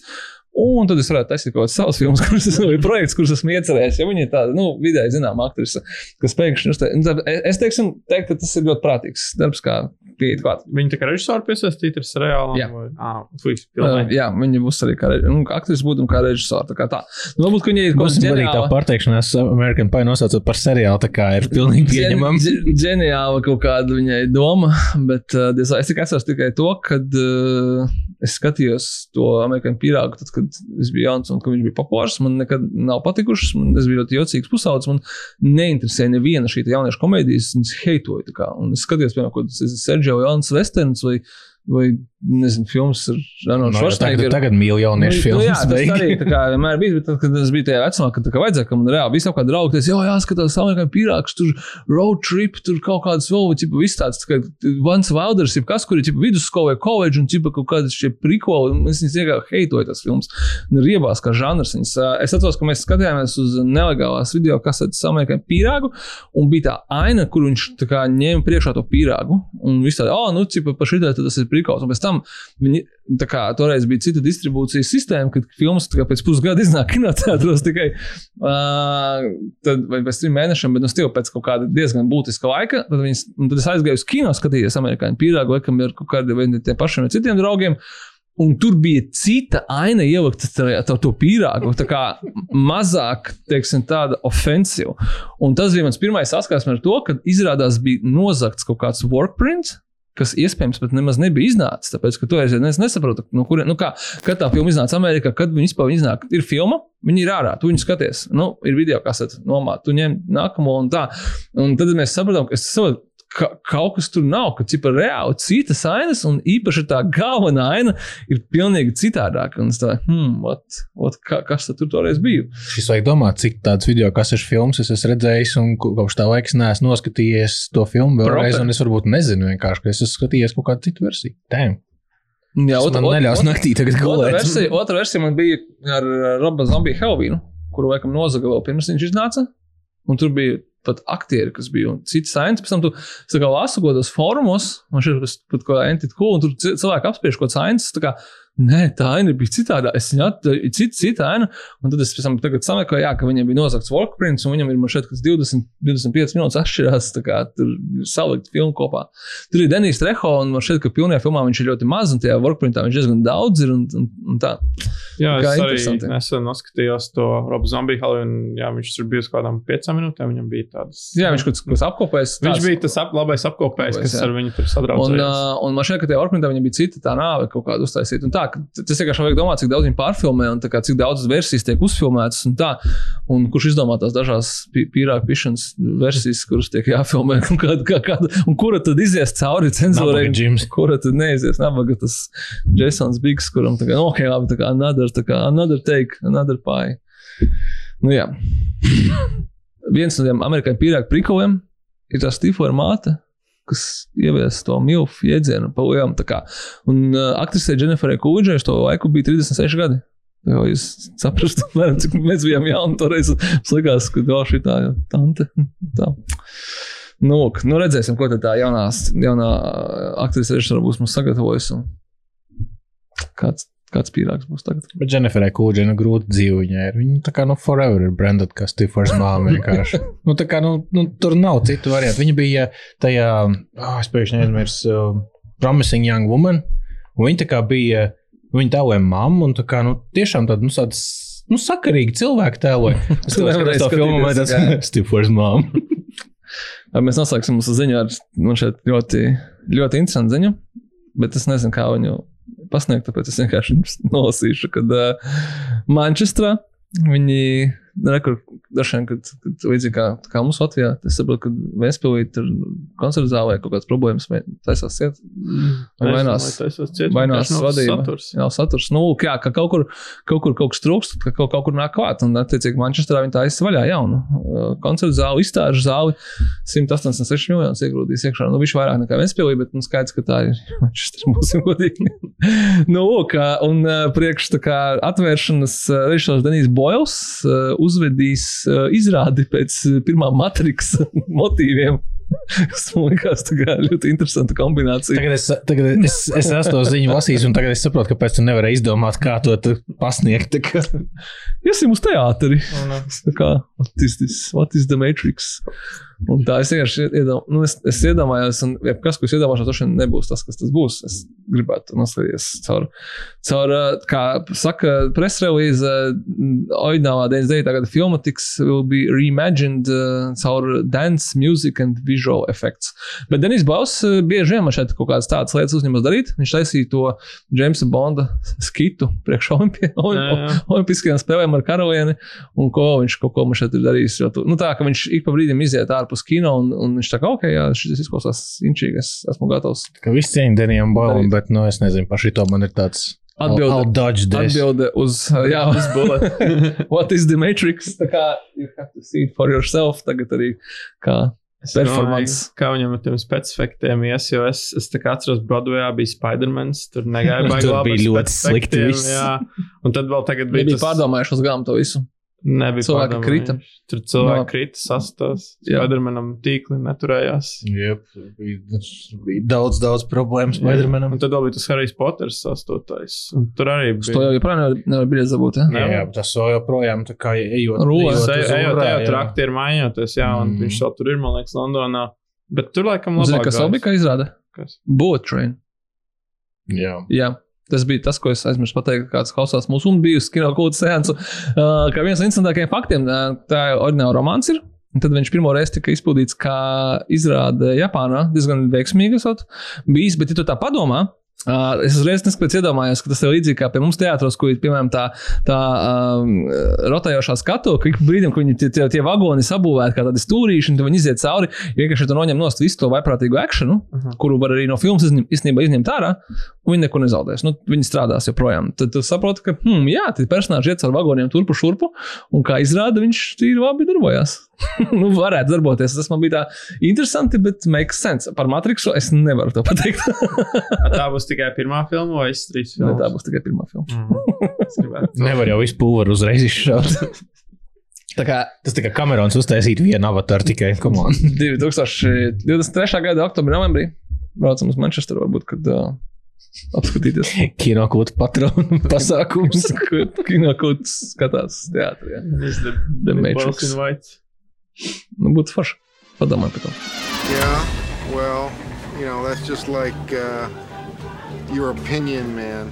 Pašreklāma. Šoreiz es sadēju, ka zavās pašreklāma un vienkārši reklāma. Tā kā Palieciet ar mums, nekur nepārslēdzieties.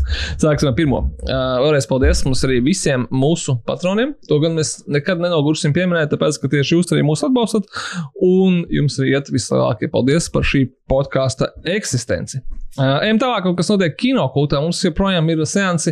Es mazliet parekomendēšu mūsu filmai Upurga, kuru mēs arī izplatām. Tā kā kamēr viņi vēl ir kinoteātros, nāciet, skatieties, filma ir tiešām domāta lielajam ekranam, bet viņi ļoti labi izstāsta. Tā kā, Nu, viņi ir tāda, ko tiešām ir vērts iet Es skatīties. pasaku, filmu domāt lielajam ekranam. Visu, ko es dzirdu galvā, ir Harry Styles. Filma tam, viņi ir izstāstīti pēc filmas. Jūtās kā filma. Es zinu- Es ka visi, pilnīgi visi latviešu filmu veidotāji saka, filma domāta lielajam ekranam. Tas, ko viņi grib pateikt, ir. Nopērciet biļetes par naudu, nevis skatieties Latvijas televīzijā. Nu, tā tas ir. Tā tas ir. No vienas puses, cilvēki grib, lai redzētu uz liela ekrāna, no otras puses, nu, tas tiek domāts, ka jūs pērkat biļetes. Un, protams, ka tie cilvēki, kas to raksta, viņi ir skatījušies to filmu pirmizrādē ar vīniņiem un tā tālāk. Nu, mums arī ir jāatzīst, ka tā, ka tā tas arī ir. Šajā gadījumā filma tiešām ļoti labi izskatās. un Es arī droši vien kaut kādā ziņā pateikšu, ka ne visas filmas. Nu, nav tā, ka nav domāts saviem ekrānam, bet mēs esam dzīvojuši Covid un sapratām, ka ļoti daudz ko mēs esam redzējuši uz mazā ekrāna. Un vispār nekas nenotika. Nekas, nekas slikts ar tā filmā nenotika. Viņas. Labi, tas ir uh, cits stāsts uh, par kinokultu seansiem. Mums, uh, kad jūs to klausāties, vēl, es ceru, ka vēl nav noticis. Mm, Jūs esat nopirkuši biļetes uz uh, īpašo The Room seansu ar Gregu Sestero nākošu piekdienu, 28. oktobrī. Nu, beidzot, Gregs būs klāt, un tagad jau tā kā pavisam stabili. Nu, atrakstīja, ka biļetes ir nopirkts. Nevis biļetes uz mūsu seansu, bet uz avio biļetes. Sergejs viņu vienkārši tur iekšā istabā ieslēgt līdz 28. Un, ja kādam ir gribās viņu satikt reizes, tad braukt, braukt 27. un 26. uz Lietuvu un 20. Ne, bet 30. uz Igauniju, uz Tallinu, Kino Soprus. Tur mēs viņiem palīdzējām sarganizēt, tā kā tur arī būs vesela viņiem tūre. Bet pats galvenais nāciet 28. Nesiet savus uh, disastra artistu grāmatas, DVD un būrējus un visu pārējo, ko es gribu, lai viņš paraksta. Kaut uz pakaļ parakstīs, es domāju. Tur. Uz Tomija vai Zau branded apakšvais parakstīs. Mēs bijām vienreiz uz Berlīnas kino festivālu. Un tur, kad bija Logana pirmizrāde, un tad mēs stāvējām kaut kādas 6 stundas, un šeit ar savām un māsu dabūja autogrāfu no Hugh Jackmana, un šeit augusts Barkovskis arī dabūja toreiz. Bet uh, pats labākais tur bija tā, ka tur mēs redzam, ka iet, tur gāja Hugh Jackmans, tur gāja Patriks Stjorts un tā mazā meitene, kas atveidoja to X23. Un uh, kaut kādi cilvēki dod Patrikam Stjortam, Hugh Jackmana bildi, ja paraksti man šito, viņš tāds, that's not me. Paiet garām vienkārši, un tas likās tā, ka, nu, nu sir. Īsts džentlmenis, tā kā neko neparakstīja. That's not me. Nu, labi, bet, nu, nesiet, jā, nesiet, labāk nevis Tomai vai Zob, bet kaut ko no Grega Šestera viņš parakstīja savu lielāko prieku, nu, vai arī The Room plakātu, to viņš nešanai parakstīs, tāpēc, ka, jau, jā, tā ir viņa populārākā filma. Arī uh, bez drāmas sēnesiem mums uh, šajā brīdī ir pēdējais cīņas kluba sēnes. Tas būs svētdien, uz kaut kādu laiku liksim mieru un vairs nerunāsim par cīņas klubu. 23. Redz, pēc tev pierunāja. Vai ne? Jā. Un uh, 22. mums būs The Shining sēnes 22. oktobrī. Uh, nebūs pēdējais. Es tā ceru. Nu, ja ja būs apmeklēts, tad jau vienmēr, vienmēr parādīsim vēl. Bet uh, iesāks mūsu Halloween seansu. Seansu sēriju, un tur es tieši, kad braucu rakstīt podkāstu, man kaut kas jau jāpasakās anglicisms. Embarrassment of riches bija tas, uh, ko es izdomāju, kas pat nav, nav, nav arī rūpīgi, jo mums būs uh, tāds filmas kā Trick or, Trick or Treat 2007. gada jāsaka, laikam, nu jau klasiskā Halloween šausmene. Mums būs oriģinālais uh, Stevena Spielberga producētais un Toba Hoopa režisētais Poltergeists, filmas, kuru, manuprāt, vispār visi labākie Hollywoods režisori, īpaši, kas strādā žanra filmā, atsaucās, ka jā, jā, tā bija tā filma, kuru bērnībā es viss spiedirs un vikses kā traks, tā kā, nu, šitā man ir tā kā scare me for life. Un tā, tā kā ir vērts redzēt, ja jūs pazīstat ar Poltergeistu pēc 2015. gada remake, aizmirsiet, ka jūs viņu skatījāties Nāciet, skatieties, oriģināli. Stevens Spielbergs tomēr kaut ko rubīno cilvēku emocijām. Viņam ir pāris filmas tādas. Un okay. manipulēšanām ar tām. Jā. Kā baumo, tad pats arī esat, esat uzņēmis pusi filmas. Nedēļu to vēl Hooperam filmēt, bet mēs to tā ne, nediskutēsim. Vai ir, ir filmē režisors, bet Spielbergs producēja. Un uh, pirmo reizi uz liela ekrāna 87. gada Džoja Šumahera filma Lost Boys. Mēs negaidījām, kad mums būs tāda iespēja. Patiesībā mums vienkārši Warner Brothers pateica, mums ir tas un tas un tas. Mēs teicām, mēs ņemsim visu. Uh, tāpēc, kad, kad vēl būs tāda iespēja, nu, kad vēl mēs varēsim parādīt, kā mēs vienkārši ieliksim seansu un cerēsim, ka jūs atsauksieties un nāksiet skatīties. Tā kā, tā, pagaidām tikai vienā seansā, Svētdien, 30. oktobrī. Filma angļu valodā ar subtitriem angļu valodā. Mēs viņu pat netulkosim. Sorry, Džek. Nu tā, kad, bet, ja būs pieprasījums, tad varbūt arī iztulkosim vai kaut kad uz nākamo gadu. Bet mums jāiera kāja durvis un jādabū tā kopija. Uh, visas šīs filmas, ieskaitot Shiningu, ir remasterētās kopijas. Tas ir tas, ko Warners dara. Viņi remasterē savus filmas un tad piedāvā mums skatīties, un mēs viņu labprāt viņas ņemam. Nu, un uh, vēl ļoti, ļoti svarīga lieta ir tāda, kuru mūsu paudze nodot mūsu draugi no Kino Citadeles jeb no Forum Cinemas LV. Tad nu gan pavisam jāsaka, tas ir uh, atbalstīts saturs, un mēs ar lielāko prieku to arī atbalstam. Tāpēc, ka kinotētrim ir 19. dzimšanas diena. Jūs atceraties, ka pirmo reizi aizgājāt uz Forum Cinemas? Tad, kad atvērta Šreku, man liekas. Uz šreku. Es biju, man tā šķiet diezgan vēl. Ja? Jā. Man, es tagad tā domāju, Spidermans? Trešais? Tu kaut kur citur dzīvoji? Kas notika? Jā, What mucā. hap- What happened? Dzīvoja mucā. Nē, man liekas, man bija Shark Tale pirmā filma, ko es redzēju formā. Haizivs Bende. Es nebiju uz atklāšanu. Es nezinu, kaut kas. Es atceros, ka uh, tur bija tāds interesants switch, kad uh, bija vaļā daila, un tad viņi aiztaisīja. Full Oscars, piedošana, Oscars. Uh, un tad viņi aiztaisīja, un tad atvēra uh, kino citadeli, jeb kā kolopāza, kā toreiz viņš saucās. Un es, es, es biju laikam uz pēdējo seansu uh, Oskarā, kas bija filmē Bad Boys 2. Un tā kā reāli, tā kā pēc tam sēnes vairs nebija šajā kinoteātrī, viņa vēl krūta. Un pēc tam uh, kaut kāda daļa filmu viņa pārnesa man šeit toreiz. Un pēc tam uh, es gāju uz Matrix trešo daļu. Bet tā man šeit bija viena no pirmajām filmām, ar ko atvērās vaļā. Mm. Nezinu, kāpēc es ļoti labi atceros to. Filmā es biju toreiz vīlies. Kinoteātrī man patika. Lai gan uh, man likās, ka, kad, uh, kad tur tās uh, betona sienas, kad vēl krāsos. Bet kā mēs zinām, pagājušajā 11 gadā viņas nav visas izkrāsotas. Varbūt kad tāds tas stils. Būs uz 20 gadu vai? Varbūt, jā, varbūt uz 20 gadu vai. Lai kā arī būtu, kinoteātra dzimšanas dienas svinībās 4. novembrī biļetes maksās 1 eiro 99 centus. Tā kā pa divīti var aiziet uz jebkuru filmu. Un uh, kinoteātris, un droši vien, ka arī mēs gaidām jaunu apmeklētības rekordu. Tāpēc, ka, kā mēs zinām, times are tough, bet pat divi noskatīties filmu, nu, vienmēr laipni. vai ne? Nav jāpērk tā lielā kolas pudā vienreiz. Nu, taču var aiziet uz ķinī. Bet reizes skinīt un nopirkt tur Nu, kaut tur ko nopirkt kolas tieši. pa astoņiem vai cik tagad maksā. Tur, tur diezgan dārgi tas ir. Au, es vairs nedzeru, so man nav jādomā, bet, kad es skatos, tad man paliek, paliek dažreiz grūti. Lai kā arī būtu, visas dienas garumā apmeklējis, apmeklētājs izklaidējis DJs ar balīdz mūziku un dažādiem konkursiem. Es nezinu, kas tie būs. Es tur neko esi Nē, nē, nē, nē, es, uh, es, esmu objekti, es esmu objektīvs un, uh, un dāvāns un laimesti un dzimšanas dienas laimes rats. un Tā, kas, es, man ļoti patīk piedalīties kaut kādās lietās, kuras neesmu iesaistīts. Tāpēc, ka, nu, ir it's enough, es domāju.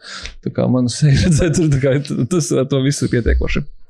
Nu, ka, un īpaši piedāvāja arī Pophouse kafejnīcā un Vertigo jumta bārā. Tā kā 4. novembris apzīmējam sev kalendāros piezīmju bocņos, molskinos, un uh, droši vien, kad jau laicīgi arī pērkam biļetes, tāpēc, ka kā jau tas vienmēr ir. Biļetes tiek diezgan ātri izcēltas. Kā piemēram, uz 4. novembra kino guru īpašo seansu, uh, uz kuru man šķiet, uh, nu, varbūt, ka vēl kaut kas palicis apskatīties. Uh, štātē, uh, Outback režisora Parka Čanvuka, vai kā pareizi viņas Oh, decision to leave. Jā, es vienkārši es domāju, kā viņš pareizi tiek izrunāts. Katru reizi ķēmoju viņus. Uh, Bet jā, ir jaunākā filma Decision to Leave, kas ir kā dāvana visiem kino guru. Nu, forši man šeit. Viņš ir dāvana. palaidis. garām. Ka viņi vispār iznākusi. Nē, nē, kad, Ka būs uh, tāda kad būs kinogrusēns. Es arī. Nu, ot tā, ja esat kino guru un jums ienācās biļetes, un es tagad apstīsieties, ka vairs viņas nav. Nu, Nevainojiet savu iemīļoto kinoteātri. Nāciet pa Eiro 99 kādu citu filmu, kam on, Džeki, tur viss kaut ko rādīs. Un, zin kā, Decision to Leave arī pēc tam vēl rādīs. Būs vēl gājienā jāskatās. Uh, Galu galā mm, balva šī gada kanu kinofestivālā. Tā, bet, nu, jā, izņemot arī to, tur viss, viss, viss, ko jūs varat vēlēties no Melnā Adama līdz Neona pavasarim, līdz Skumju trīsstūrim, līdz biļetē uz paradīzi, līdz Helvīns beidzās Amsterdama māsas minionu ložu ekspresis upurga, es jau teicu, ne? Es tagad vienkārši lasu visas filmas, kas tur arī būs. Un, protams, Elvis, es domāju, ka Līva jau ir rezervējusi savu biļeti Zāli. zāli uz uh, vēl vienu Elvis seansu. Un aicinām jūs pievienoties arī šajos kino svētkos. Un kopā gaidām 20 gadu jubileju. Tad būs tas lielais blēziens. Es ceru. Tad DJs Sergejs. Nu, sen jau bija laiks. Tā, nu, man būs shameless reggae plug.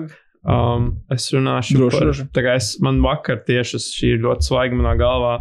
Vakar noskatījos pirmo reggae filmu Everybody Hates uh, Johan, kas ir Norvēģu melnā, nu, labi, es teikšu, komēdija, bišķiņa drāma, bišķiņa komēdija. Norvēģi Un- komēdija tāda, kur es neviens nesmējās, bet tāda tā, nu, tā, tā dāņu komēdijas, kur ir. Nē, nu, es smējos. Man, man likās smieklīgi, tur bija tādas interesantas ainas. un Tā, tā filma, principā, viņai nav tāds tā kā, nu, kaut kāds konkrēts sižets. Tur ir tas Johan, nu, filmas titula varonis. Un, principā, tā filma ir par viņa dzīvi. Nu, filma tā kā. Basically, viņa visu dzīvi apkopo, un tur viņai tāds interesants tas, tas sākums ir, kad tā doma ir tāda, ka uh, tas, tas pats, tas, tas Johans, viņam vecāki ir tie ne īsti sapieri, bet pēc otrā pasaules kara bija tās mīnas, kas tur Nie- Norvēģijā peldēja. Un tad viņi ir tie, kas tās mīnas tā spridzina.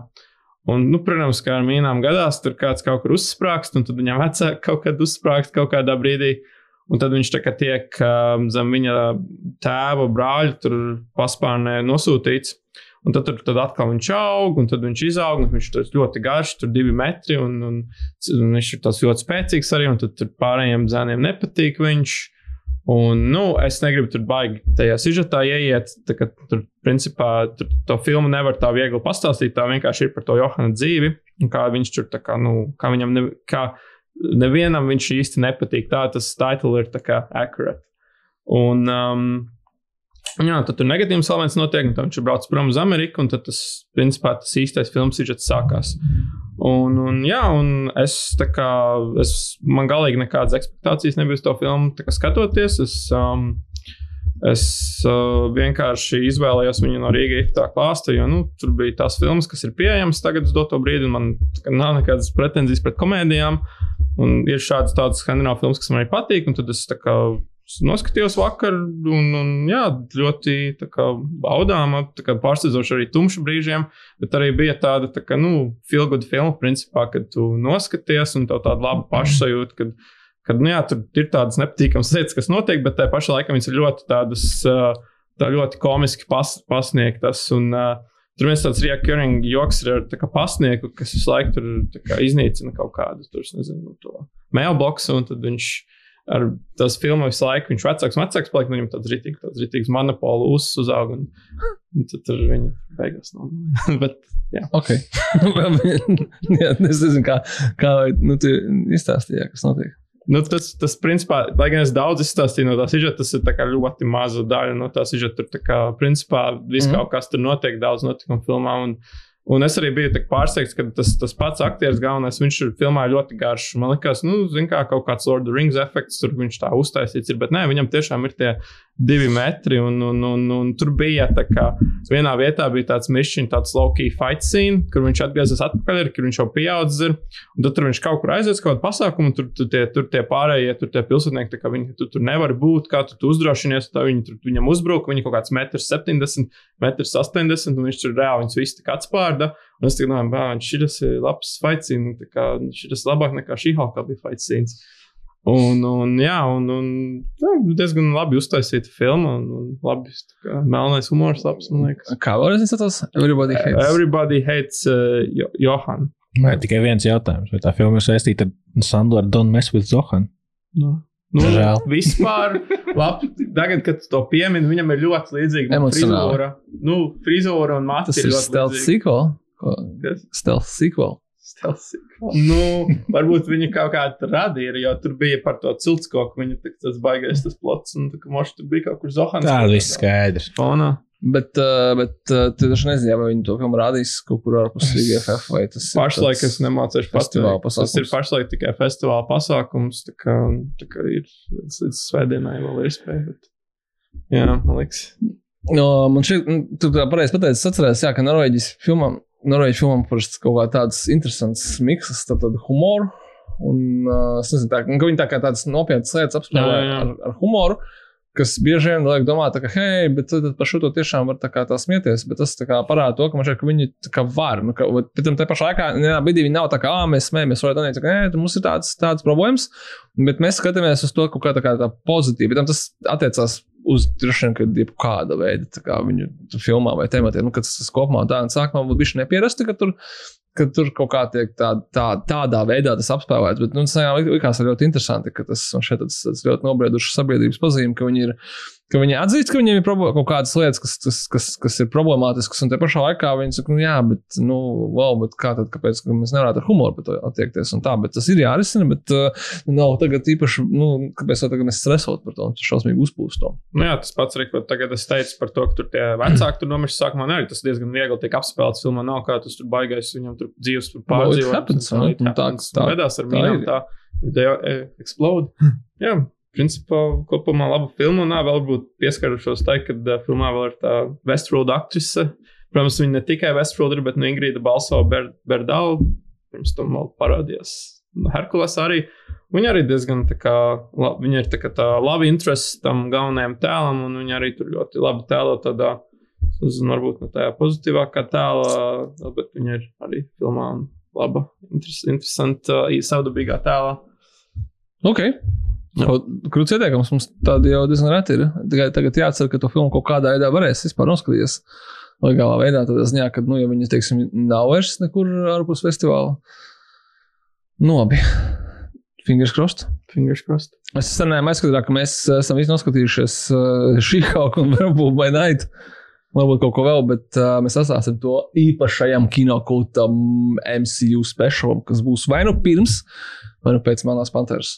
Kas iznāk 10. novembrī mums pirms rādīja. Līdz ar to tas nav tā kā tas ir pēc 15 dienām. Principā nākamais podkāsts, visticamākais.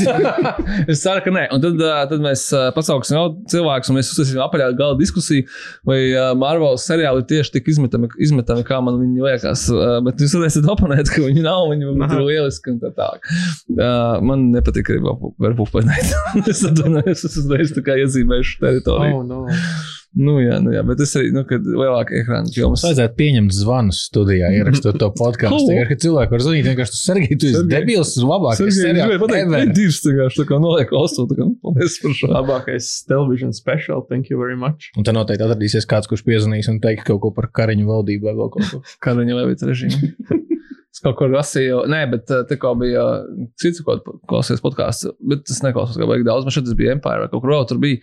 Ah, viņi analizēja Black Panther to traileri, kas vienmēr interesanti paklausīties. Tur, zin, kā, tur ir tie cilvēki, viņi ir Dobanutī. Tā kā, jā, kā viņiem ir daudz vairāk gadu kā man, viņi tur kaut ko tur kā domā, what the fuck, kā tu zini, tas- kāpēc tu priekš kam tu to zini? Tāpēc, visu? ka viņiem bija pieejama komiks, ne tā kā mums Latvijā bija Donalds Ducks. Jā, tagad zini, kad ir Donalds Mēs Ducks. par Donaldu Ducku zinām vairāk nekā viņi, bet- Tiks, triks un tie visi. Nu, tā kā priekš kā mēs zinām to informāciju, kā sauc latviešu lokalizēt. Ja viņi Bruno tie- Bezbrems. Jā, jā. Viņi toties zināja tur par Wakandu kaut ko. Viņiem nodara daudz vairāk šobrīd nekā mums nodara zināšanas par Bruno Bezbrems. Nu, jā, un tur arī bija, tur bija kaut kā viņi tur castoja, kaut kāds, ah, nu, Blades, tur zaudēja režisoru. Mēs Jā, par šo nepieskārāmies, tāpēc, ka mums būtu jārunā par to, ka Harisons Fords dabūja lomu arī tajā. Captain America jā. un Captain America viņš parādīsies pirms 4. daļā. Un tad Un būs pēc tam Thunderbolts, jā, jā. tā kā viņš tur ir tā kā for life. tā mēs varam pateikt. Viņš zina, ka viņš būs Hulk. Nu, Viljams. He- Viljams Hertz tur bija for life, ja mēs tā varam pateikt to. Diemžēl. Jā. Jā. Diemžēl. Smilts. Mm, Tā, un ko es gribēju teikt, nu, jā, tad viņi kastoja to blēdu režisoru, un tad kaut kāds tas viņa džeks teica, ka uh, man patika vēl vai nē, bet nē, es neizvirzu Maiklu Giacchino kā blēdu potenciālu režisoru, un es viņam piekrītu. Viņš jau pats arī Maikls Gačino atteica, ka nu, viņš tā galīgi off the table, stop, stop fancasting. Jā, viņš pa- palasīja internetu komentārus Jā. un bija tāds, nu, nē, nē, es jau pats īstenībā nemaz negribu. Ko es ar visu to naudu darīju? Nē, nu tā kā nav tā, ka viņi, es nezinu, vai tā bija viņa vaina, bet kaut kas man tur tajā Verbolfā pietrūka. un Kaut kā Ietaupi podkāstam. Iedomājieties, labi. Es noskatījos Downtown Sabatī, The New Era. Es zinu, es esmu redzējis arī iepriekšējo filmu, un es neesmu redzējis nevienu seriālu sēriju, bet man arī nebija skaidrs, kas tur notiek. Bet es saprotu, ka kaut kādi ir brītu augsmaņi, viņiem ir savas problēmas, un tad ir kalpi, un viņiem ir savas problēmas. Dzīve notiek. Viss, ko es varu pateikt par šo filmu. Um, ir ok. Tā ir tā, 3,5 no 5. Jā, tā ir tā jaunā daļa, right? Jā, Ok. Faniem, faniem patiks. Man bija pretenzijas.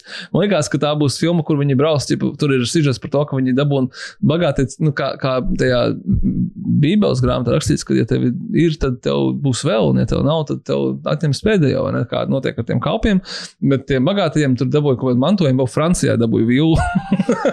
Man liekas, ka tas ir tāds tipiskais, tipa Downtown abatī, tipa brīvdienas Nicā. Tas izrādās, ka viņi tikai vienu trešdaļu rādīja Nicā, un viņi iesaistīja papildus sižetu, ka viņiem filmēja filmu tajā viņu kastlā, kuru viņi tur visai kritizēja un apsmēja, ka kurš tad tur kaut kādas filmas ārprāts man būs jāsēž ar aktieriem vienā telpā. Tas ir an outrage. No. Megija Smith vēl ir tajās filmās. Jā, bet Ok. viņa iz, izgāja ārā no šīs filmas. Sižetiski. Ah, oh, skaidrs. Tas bija arī viens no sižeta līnijām, kur viņa tā kā. Nu, jā. Bet uh, neko vairs nepateikšu. Un es izstāstīšu daudzreiz, ka mums ir tas, uh, tāds podkāsts subtemats, kas Sergeja triggero un kāpēc. es kaut ko skatos. Šķiet, ka šim vajadzēs jinglu taisīt, jo tas pārāk bieži parādās. Jā, es saskatījos filmu, ko es jau sen gribēju redzēt. Es nezinu, vai mēs runājām iepriekšējā podkāstā Last King of Scotland. Uh, kaut kas man ir pie tam notriggeroja. Ah, es zinu, kas man notriggeroja. Es lasīju katru reizi kaut kādas ziņas, kur bija salīdzināts, kas ir lielākie kvēpļi pasaulē no, no diktatoriem. Tur bija Putins, Kim Čenirs un šitais Ibija Mīns no, no King of Scotland. Nē, bet, nu, diemžēl no īstās dzīves. Tā, ah, pareizi, es jau sen gribēju noskatīties par Amīnu to filmu, kas bija ar Makavoju Last King of Scotland. Es skatos, nu, krūti filmu. Nu. Nu, Tā ziņā, kad uh, man īstenībā ļoti patīk režisors Kevins McDonalds. Viņam ir krūtis filmas, bet viņš vienkārši man šeit mazāk zināms kaut kāds. Bet, nu, labi, par, par to nav ko teikt. Izņemot to, ka skatāties, viņa ir Disney pusē, kuras jau, protams, ir noskatījos. Tā ir Fox filma. Pēdējā filmas trešdaļa. Viņa notiek, uh, viņa ir tā, ka viņa filma ir izdomāta. Tie notikumi ir izdomāti. Ibija Mīns nav izdomāts, bet tas Makavoja personāžs ir izdomāts, bet salikts no citiem personāžiem kopā. Un arī viņa sižeta līnija un to, kā viņš aizbēga prom no tās uh, valsts, ir izdomāts. Uh, bet uh, viņš aizbēga projām reālā notikumā, kad uh, bija tā ķīlnieku krīze. 70. gadā, 70. kurā tur gadā NTB, kurā palestīniešu teroristi uh, ieņēma lidmašīnu Air France, kas lidoja no Atenām uz Parīzi un uh, nosēdināja viņu attiecīgi šajā te. Nu, tagad būs stūbi, ja tā kā filmas saucās Last King of Scotland, bet notiek viņa Āfrikas valstī, kas ir, kuras tagad izskata, kur no tām Āfrikas valstīm tas bija. Nebija gana kaut kāda. Nē, pagaidiet, tūlīt mēs reālajā laikā atradīsim, kas tā bija par valsti, jo tas ir svarīgi. Elevator. Saka, reālajā laikā, bet es tepat izgriezīšu to pauzi. Negriez. Man patīk, ka, ka noteikti. Tas ir tā kā, iedot tādu reālu. Klausītājiem ir spriedzi. Klausītājiem ir spriedzi. Jā? Uganda, tā valsts, piedodiet, kas Ugandai. Nu, tas bija svarīgi, tāpēc, ka viņi attiecas arī uz nākamo filmu. Nu, un tie, tie palestīnieši teroristi nosēdināja to lidmašīnu Ugandā, kur Idija Mins, kurš bija obviously diezgan pret uh, demokrātiskā teica, jā, jā, es jums sēdēties pie manis, es uh, sataisīšu pārudzes. Un Uh, Izraels valdība mēģināja piecas dienas pārunu rezultātā dabūt atpakaļ tos cilvēkus. Un viņi teica, oh, fuck that shit. Un viņi ar četrām milzīgām krāvas lidmašīnām 30 metru augstumā aizlidoja 3000 km, novaidās Ugandā un vienkārši uztaisīja reidu, nobojāja kaut kādus 50 Ugandas tos uh, sargus, uh, atbrīvoja visus ķīniekus. Neviens ķīnieks uh, negāja bojā, gāja bojā tikai viens Izraels karavīrs, kurš izrādās pēc tam bija premjerministra Netanjahu brālis. Un kāpēc viņš vispār kļuva par to slaveno premjerministru? Jo viņa brālis gāja bojā šī sīdža laikā, savādēja visus ķīniekus ļotaniem vienkārši aizlidoja projām un, un tā tālāk. Un viens ķīnieks gāja bojā, tāpēc, ka viena sieviete bija, nu, viņai palika slikta ar sirdi un viņa aizveda uz slimnīcu, un tad viņu tur nogalināja kā, kā retaliation. Un, pat- un to, to visu aizkadrā tas palika tajā Last King of Scotland. Jo Makavojas jau arī tajā lidmašīnā ieliec iekšā un aizbrauc prom. Tas ir spoilers. Filmē Last King of Scotland. Es domāju, bāz, cik interesants stāsts. Jo īstenībā mm, šis Izraels reids, viņš ir uh, trīs reizes pēc tam ekranizēts. Uh, tik ļoti viņš cilvēks iedvesmojas, kad uh, no, viņam ir trīs vienkāršas filmas. Ceturtā filma, kas saucās Delta Force ar Čaku Norisu, kas kā viņu mazliet izpušķoja šo stāstu, bet kalpoja par pamatu filmai Delta Force, kas bija man bērnības video kasešu filma un jau daudziem citiem.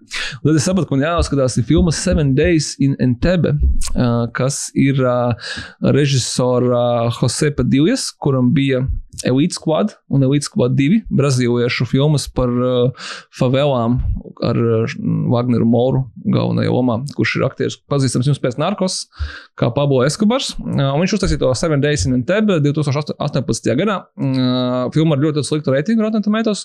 Un es domāju, kāpēc tik slikti viņi bija. Kā kaut kaut kāda laba režisors tur ir uh, galvenajā lomā. Tur savukārt stāsta tikai par to, par to par tiem teroristiem, par to reidu un par to, attiecīgi, viņu motivāciju. Ir Daniels Brūls, aktieris. Barons Zīmo, jums droši vien vairāk pazīstams. Bet uh, arī no Ingūrijas Bastards un daudzām citām filmām. Un es atceros, ka 18. gadā mēs bijām Berlīnas kinofestivālā. Tu to filmu rādīji, bet es ne, kaut kādā iemesla dēļ laikam nenoskatījos, jo kā, nu, neatceros. Un es gribēju zināt, kāpēc viņai ir kaut kāds 30% fresh rotam metus. Nu, kā var būt prestiža filma, tik prestižs režisors, labi aktieri un tā tālāk. Nu, es teicu, ka filma ir normāla filma, 3,5 no 5. Es gāju jau tādā boxā, skatos, es esmu redzējis kādreiz 18. gada Berlīnas kinofestivālā, kur es iedevu 3,5 no 5. Normāla filma, ka- kur jūs diršaties. Tas mums noved pie tā, ka, jā, ka, hei, what the fuck, dažreiz mēs skatāmies filmas, un, un tad pēc tam tu vispār neatceries, ka viņas redzējis. Bet es zinu, kāpēc. Tāpēc, ka to laiku tā bija vienkārša filma par uh, teroristiem un par uh, to, kā viņi aizdzina prom lidmašīnu. Bet man nebija tas, tas, tas stāsts. Es vēl biju noskatījies dokumentālo sižetu YouTube un vēl Wikipēdijā palasīju. Tā man liekas, tā ļoti interesanti. Kā, tā, kā tā no, no tā Last King of Scotland tas aizpildīja pie šī. Es vēl izpētīju, kas tās bija tas citas filmas. Tur uh, bija atkal par to mm, Entebes teroristu situāciju. Bija divas konkurējušas filmas. Holivudā viena bija ar Čārlzu Bronsonu, un otra bija ar Kirku Douglasu, kas ir līdzīga. Nu, ka vienmēr, kad kāds izdomā, ka viņš grib kaut ko taisīt, tad cits džeks pasakā, nē, es taisīšu labāk, un tad viņi iznāk praktiski ar gada starpību divas vienādas filmas par vienu un to pašu tematu. Tā kā tā, tas bija ļoti interesanti. Ā, Es nostājos Halloween Ends. Mēs par to jau bijām parunājām pirms tam. Man filma nepatika. Es nezinu, ko jau pasaku vēl. Es vēl gribu skatīties filmu. Jā, nē, mēs gribam skatīties, pēc mēs nespēlēsim, bet uh, kaut kur ne tur aizbrauca. Es teiktu, tā kā bija cita populāra franšīze, kas arī ir ar vienu labu filmu un daudzām, ne tik labām, Wrong Turn. so teiktu, kas tam Wrong Turn ir. Uh, bet jā, bet citreiz, ja jūs gribat izdarīt citādāk, varbūt padomājiet par to, ka cilvēki grib actually ko viņi grib no tās jūsu filmas. Lai gan atcerēsimies to, ka autoriem vienmēr ir tiesības darīt, kā viņi grib. Mums ir tiesības par to domāt, kā mēs gribam. Uh, es noskatījos pirmo reizi savā mūžā filmu Notting Hill. Es par to neko nestāstīšu, izņemot to, ka tā ir atsevišķa saruna, vismaz uz divām stundām, par to, kā ir mūsdienās skatīties filmas, kurām teiksim, man nav nekādas emocionālas saiknes. Notting Hill, es nekad viņu nebiju redzējis pirms tam, es zināju, par ko tur ir. Un, uh, Es arī viņu skatījos kā vienkārši filmu. Respektīvi, nav nostalģiskas tādas nostalģiskas bāzes. Un likās ļoti interesanti. Nu, tur man šeit pusi lietas tajā filmā nestrādā vispār mūsdienās skatoties tieši, atti, nu, tieši par to galveno varoņu attiecībām, par tiem personāžiem, tad it just doesn't work. Mums, mēs esam daudz kur daudz tālāk tikuši par visām lietām. Bet ir ļoti grūti, kā mēs to pārliecināmies, kino kultūra čatā diskutēt ar cilvēkiem, kuriem kuri ir skatījušies viņu, ka viņš ir 99. gada filma, un kuriem ir tādas siltas atmiņas, ka tā ir forša, tur silta romantiska komēdija, ļoti patīkama tam tālāk. Teiksim, kad man nav šo nav nekāda emocionālās saiknes, un, un citiem ir. Un tā, bet es atstāšu to citam, kādreiz, kādreiz uztaisīsim par to podkāstu, kā mēs vērtējam filmas, uh, un, un vai tas traucē šis te, kā, nu, es arī domāju, ka nu, tur, man ir kaut kādas bērnības filmas, un liekas, ka viņi baigi foršā, bet ja kāds skatījās viņu tagad, pirmo reizi pateikt, filmas sūta kaut kāds, nu, tur tā, un viņam būtu ir taisnība par to. Un ko es par to domātu? Es būtu dusmīgs. Visbeidzot, Uh, bez jebkāda triggera. Es varu ieteikt ļoti krūtu filmu, dažreiz nāk noskatīties. Un uh, krūta filma tādā ziņā, ka uh, tu kaut kādā ziņā viņai vienkārši uzkrīti, bet sen jau, sen jau visi citi ir, zinu, ka tā ir krūta filma. Filma saucās Mona Lisa, 1986. gads. Vai kāds no jums viņu redzējis? Nope. Vai Nope. kāds no jums zina, par ko tur ir? Un es teikšu, tur nav par gleznu. Un nav par to, un nav par to, kā zīmēja Monolīzu, gleznoja. Nav vispār, bet Monolīza parādās filmā. Kā glezna. Da viņš ir kaut kāda prequels, ne? Tuvu, tuvu, bet negluži tik tuvu, kā varbūt varētu būt. Monolīza ir 1986. gada britu krimināla drāma. Režisors Nils Jordans. Nils Jordans pēc tam safilmēja vēlāk interviju ar vampīru. Un Es tagad nepārbaudīšu, vai viņš pirms šīs filmas kaut ko bija taisījis, bet šī bija tāda viņa lielais big break. Uh, filmā galveno lomu atveido Bobs Hoskins. Man liekas, ka tas triggers bija tāds, ka man liekas, tas triggers bija tāds, ka es lasīju kaut kur par Super Mario ka es tev sūtīju. Man bija tā, ka arī es- tu man es sūtīji, jā. kaut ko teikt par Super Jā, Mario. Ko gan citu es varētu lasīt kaut ko atkal, ķipa, the greatest disaster. Of, jā, jau tāds, ah, laikam, jā, jau Par to bija. director's Jā, cut es jā, jā, jā, sūtīju. jau bija tas Jā. traileris ar to Krisu prātu, un Jā. tad atkal vienkārši atdzīvojās tā tēma. Bāds, bet Bob Homskingam ir divas filmas no viņa britu perioda, ko es esmu sen gribējis noskatīties. Un tā ir filma Mona Lisa, un tā ir filma Long Good Friday. Es neesmu redz, redzējis abas, un sāku ar šo. Arī tāpēc, ka šī filma ir tikai stunda 44, un tas ir dažreiz ir kaut kāds uh, nu, izšķirošais faktors, kam veltīt vakaru. Un, uh, nu, laikam jau, kad, uh, ka līdzīgi kā, kā es sākumā podkāstā minēju, šī ir tāda filma, kas tev atstāja ļoti, ļoti būtisku pēcgaršu. Es tam palasīju, kā viņi viņu veidoja. Uh, tuvākais salīdzinājums, kas man pat ienāca prātā, ja mēs būtu kā, nu, normālā valstī, normālā sabiedrībā, kurā var atpelnīt uh, klasikas izrādīšanu uz liela ekrāna, kas nav varbūt Harijs Poters un Dešainīga, uz ko cilvēki ir gatavi iet, tad uh, būtu forši uztaisīt double feature, kur tu parādi Monolīza un Taxi Driver. Tāpēc, ka tās filmas ir principā vienādas. Viņas ir par vienu un to pašu lietu, tikai uh, viena ir par to, kā tas izskatās Amerikā, un otra ir par to, kā tieši tas pats temats ir apspēlēts Lielbritānijā. Un uh, gadi viņam nu, ne, nu, nesakrīt. Uh, tur ir, piemēram, līdzība tāda. Uh, kāds bija Londonā? Filmu ļoti interesanti skatīties.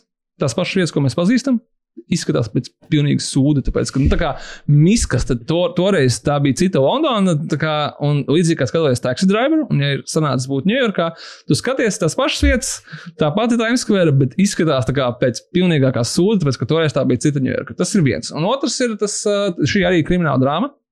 Es stāstu par uh, Džekiņu, kuru atveido Vops Hoskins. Viņš iznāk pēc septiņiem gadiem no cietuma, kurā viņš ir sēdējis, tāpēc, ka viņš he didn't rat.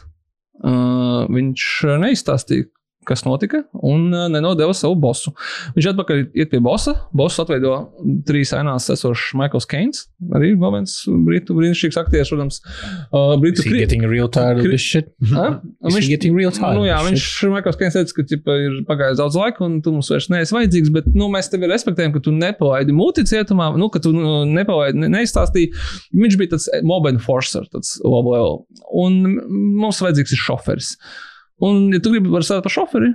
Ja gribi, vienkārši dristiet no šejienes. Bet, nu, neviens tam nav nemaksās neko, tu neviens nav tavs parādā. Nu, viņš kļūst par šoferi uh, augstu līmeņa prostitūtei.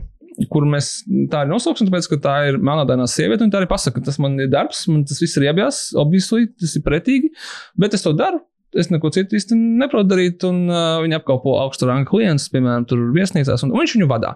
Un pirmā filmas daļa ir par to, ka īstenībā tas Boba Hoskins varonis ir ļoti tipisks, nu, tāds, nu, nu, auķis. Viņš, kā, nu, viņš tur, viņš, nu, viņš viņam ir viedoklis par kaut ko un tā tālāk. Un tā sieviete ir ļoti tāda, nu, sophisticated. Ne? Nu, viņa, viņa jāpriebjās. ka- Izklausās pēc Green Book. Uh, jā, vai arī pēc īstenībā My Fair Lady, jo viņa, teiksim, kādā brīdī viņa neiztur, ka viņš izstāsta pēc kaut kāda papagaļa, un viņa aizved viņu uz veikalu, vienkārši apģērbi normālā uzvalkā, nevis, ka viņam, viņa, viņam ir, jāgaida viņa tiesas viesnīcās, un, un viņš vienkārši izskatās pret, nu, tā kā briesmīgi, un viņš pievērš uzmanību un tā kā traucē darbam, un tā. Un viņam izveidojās attiecības tādas neromantiska veida, tā kā, nu, ka viņi sāk runāties, un viņš ir tāds prasts džeks, un viņš viņai tipa, stāsta kaut kādas nu, tā kā prastās vērtības, un viņam viņam stāsta, ka nu, tur tā kā bišķi viņu paceļ uz augšu. Jā, joprojām izklausās pēc Green Book.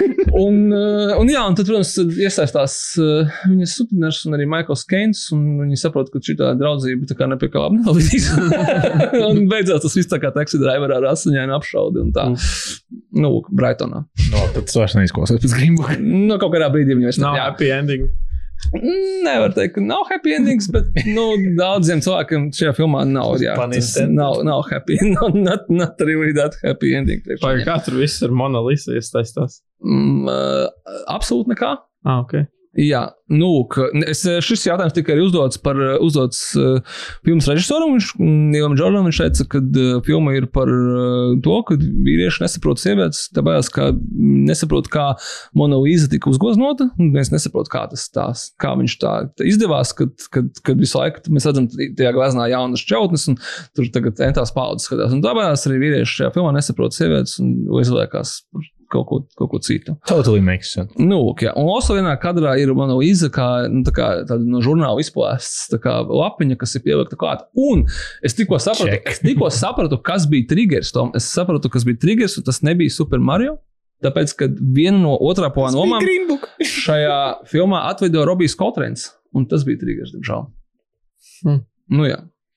Ja tu Ah, paskatīsies. Robija Kotrena filmogrāfiju, tad sapratīs, ka viņš atveido otrā plāna lomas principā pusē no britu filmu, vispār, kas ir iznākušas uz šo brīdi. Un, uh, un uh, viņam ir ļoti bagātīga filmogrāfija. Also, fun fact, Robijs Kotrens ir bijis kādu laiku uh, member of Hells Angels Motorcycle Club. Kā viņi sevi sauc? Kāpēc Hagrits ar to lidojušo Kāpēc motociklu? Hagrits ir jā. Jā, likās tik jauks cilvēks. Tā, nu, līdz ar to, jā, ļoti iesaku brīnišķīga, brīnišķīga filma tāda, un es kādreiz ceru, ka tas, jā, ne kinotētros, tad vismaz jums mājās Double Feature ar taxi driveru, kur vienkārši ļauj aps- apskatīties šo te, mm, kriminālo, teiksim tā, kriminālo pasauli, un cilvēku, kurš ienāk kriminālā pasaulē un sāk braukāt ar mašīnu pa tā kriminālo pasauli, visu filmu vadāt apkārt cilvēkus, kā šoferis vai kā taksists, un beigās eh, iekuļās un mēģina ar saviem spēkiem izrēķināties šo kriminālo pasauli. Protams, diezgan bezspēcīgi, mm, bet eh, jā, amerikāņu filmā ar tādu amerikāņu piegaršu, un britu filmā, britu filmā ļoti smalki. Teiksim tā, šī filma arī tāda, tu vari redzēt, uzreiz eiro, eiropeisks šārms. Nav, nav Disney. Plus. Nav Disney plus, ne. Diemžēl ne. Es skatījos viņu iTunes pirku. Bija vērts nomāt. es nezināju, vai viņi būs tik labi vai paturēti. Bet, nu, jā, visā ziņā, kad pēc tam, jā, Nīlam Jordanam izveidojās brīnišķīga karjera. Un, un, ah, un lūk, ir tāda kino kritiķa Am Amerikā, Paulīna Keila, kuru man šeit Kventins Tarantino piemin pilnīgi katrā savā intervijā, ka nu, viņš jau ir Elsins fans. Tarantino, kuram arī tūlīt būs kino kritikas grāmata. Pēc burtiski dažām dienām viņam iznāk es, eseju, nevis, nevis romāns, bet uh, eseju grāmata. Nu, un Paulīna Kēla bija rakstījusi ļoti slavenu recenziju par šo filmu Monolīza, kur uh, laikam viņa nebija pirms tam pazīstama ar uh, aktieru Bobu Hoskins darbu. Viņa nosauca, ka tas viņa personāžs ir Human Walking Testicle. un īstenībā tik ļoti. No un Mortī. Tik ļoti, jā, tā kā es, es domāju, ka noteikti tā varētu būt atsauce, ja viņiem esam jau aizgājuši. Es saprotu, ka Bobs Hoskins viņam pēc tam tikās un viņi to pieminēja, ka paldies, ka jūs man tā nosaucāt. Bet ļoti precīzi šī person- personāža īstenībā apzīmējums. Viņš sākumā ir ļoti fiziski nepatīkams, un tad tu tā kā saproti, ka, varbūt, ka viņš vienkārši ir tāds, nu, nu tādi cilvēki mēdz būt. Jā. Ļoti gari, ļoti gari par šo filmu, bet es uh, iesaku, tā, noskaties, droši vien, ka daudz nebūs par viņu pat dzirdējuši, kā piemēram jūs. Un Tagad jūs esat. Ja sanāk, iesaku tikai stundu 44. Jāapņem iTunes. Alrighty then. Mēs esam uh, izpildījuši savu trīs nedēļu normu ar ļoti daudzām jaunām, ne tikai jaunām filmām un ziņām par uh, visu, kas var būt no kara agrafika līdz amerikāņu pīrāgiem, ar obligāto dītūru, protams, uz Star Wars un visu pārējo, ko mēs izrunājām. Izņemot to, ko mums vajadzēja panākt. Bet Jebkurā gadījumā gaidām jūsu jautājumus, ieteikumus, rekomendācijas un, un vispār jau uz Hello, atkinokūts.lv vai citur mūsu sociālos. Kā vienmēr, ja patīk podkāsts un gribētu atbalstīt projekta attīstīšanu, ar to domājot, kinokūta projektu kā tādu, podkāstu, seansi, mājaslapā, tad pastāstiet par podkāstu saviem draugiem. Ielieciet mums piecas zvaigznes. No, ja mums ir patīkami. Tas nav, tas nav grūti. Tas neko nemaksā. Vispār neko. Zero. Un tas ir priceless no otras puses. Kad es redzu, cilvēks ir ielicis, teiksim, piecas zvaigznes, apakšā uzrakstījis, ej, dirst. No tā, uzreiz saprotu, nu, tā kā cilvēks ir ironisks, cīnisks un arī mūsu klausītājs. Vai arī kļūstat par mūsu patroniem. Tad mēs jums neko vairs neprasīsim. Par visu parūpēsies automātiskā maksājuma sistēma. tā, tā tas ir. Šī podkāstu direktors, kad esat pateicoties Tomam Cēlēnam. Jā, Nu, jā, tev jau visādi tagad vārdi tiek doti. Ko nu vairs? Nu vairs ne? Mums šis būs, būs jāpamaina. jā. Bet man patīk, es, es gribu viņu atstāt kā tādu foršu atgādinājumu, ka kādreiz tev bija tikai viens vārds. Bet, jebkurā gadījumā, no kino kulta komandas, paldies par uzmanību! Uz nākamajai reizei, uz nākamajam viesim, vai arī atpakaļ, kad būs namēs, un mēs beidzot runāsim par Black Adam vai arī par Marvel sas- sastrādātu. Nu, par ko vēl mēs varam runāt? The hierarchy of power will change. To mēs uzzināsim jau šovakar, jo mēs šo podkāstu rakstām tieši pirms Black Adam pirms rādes. Paldies un atā!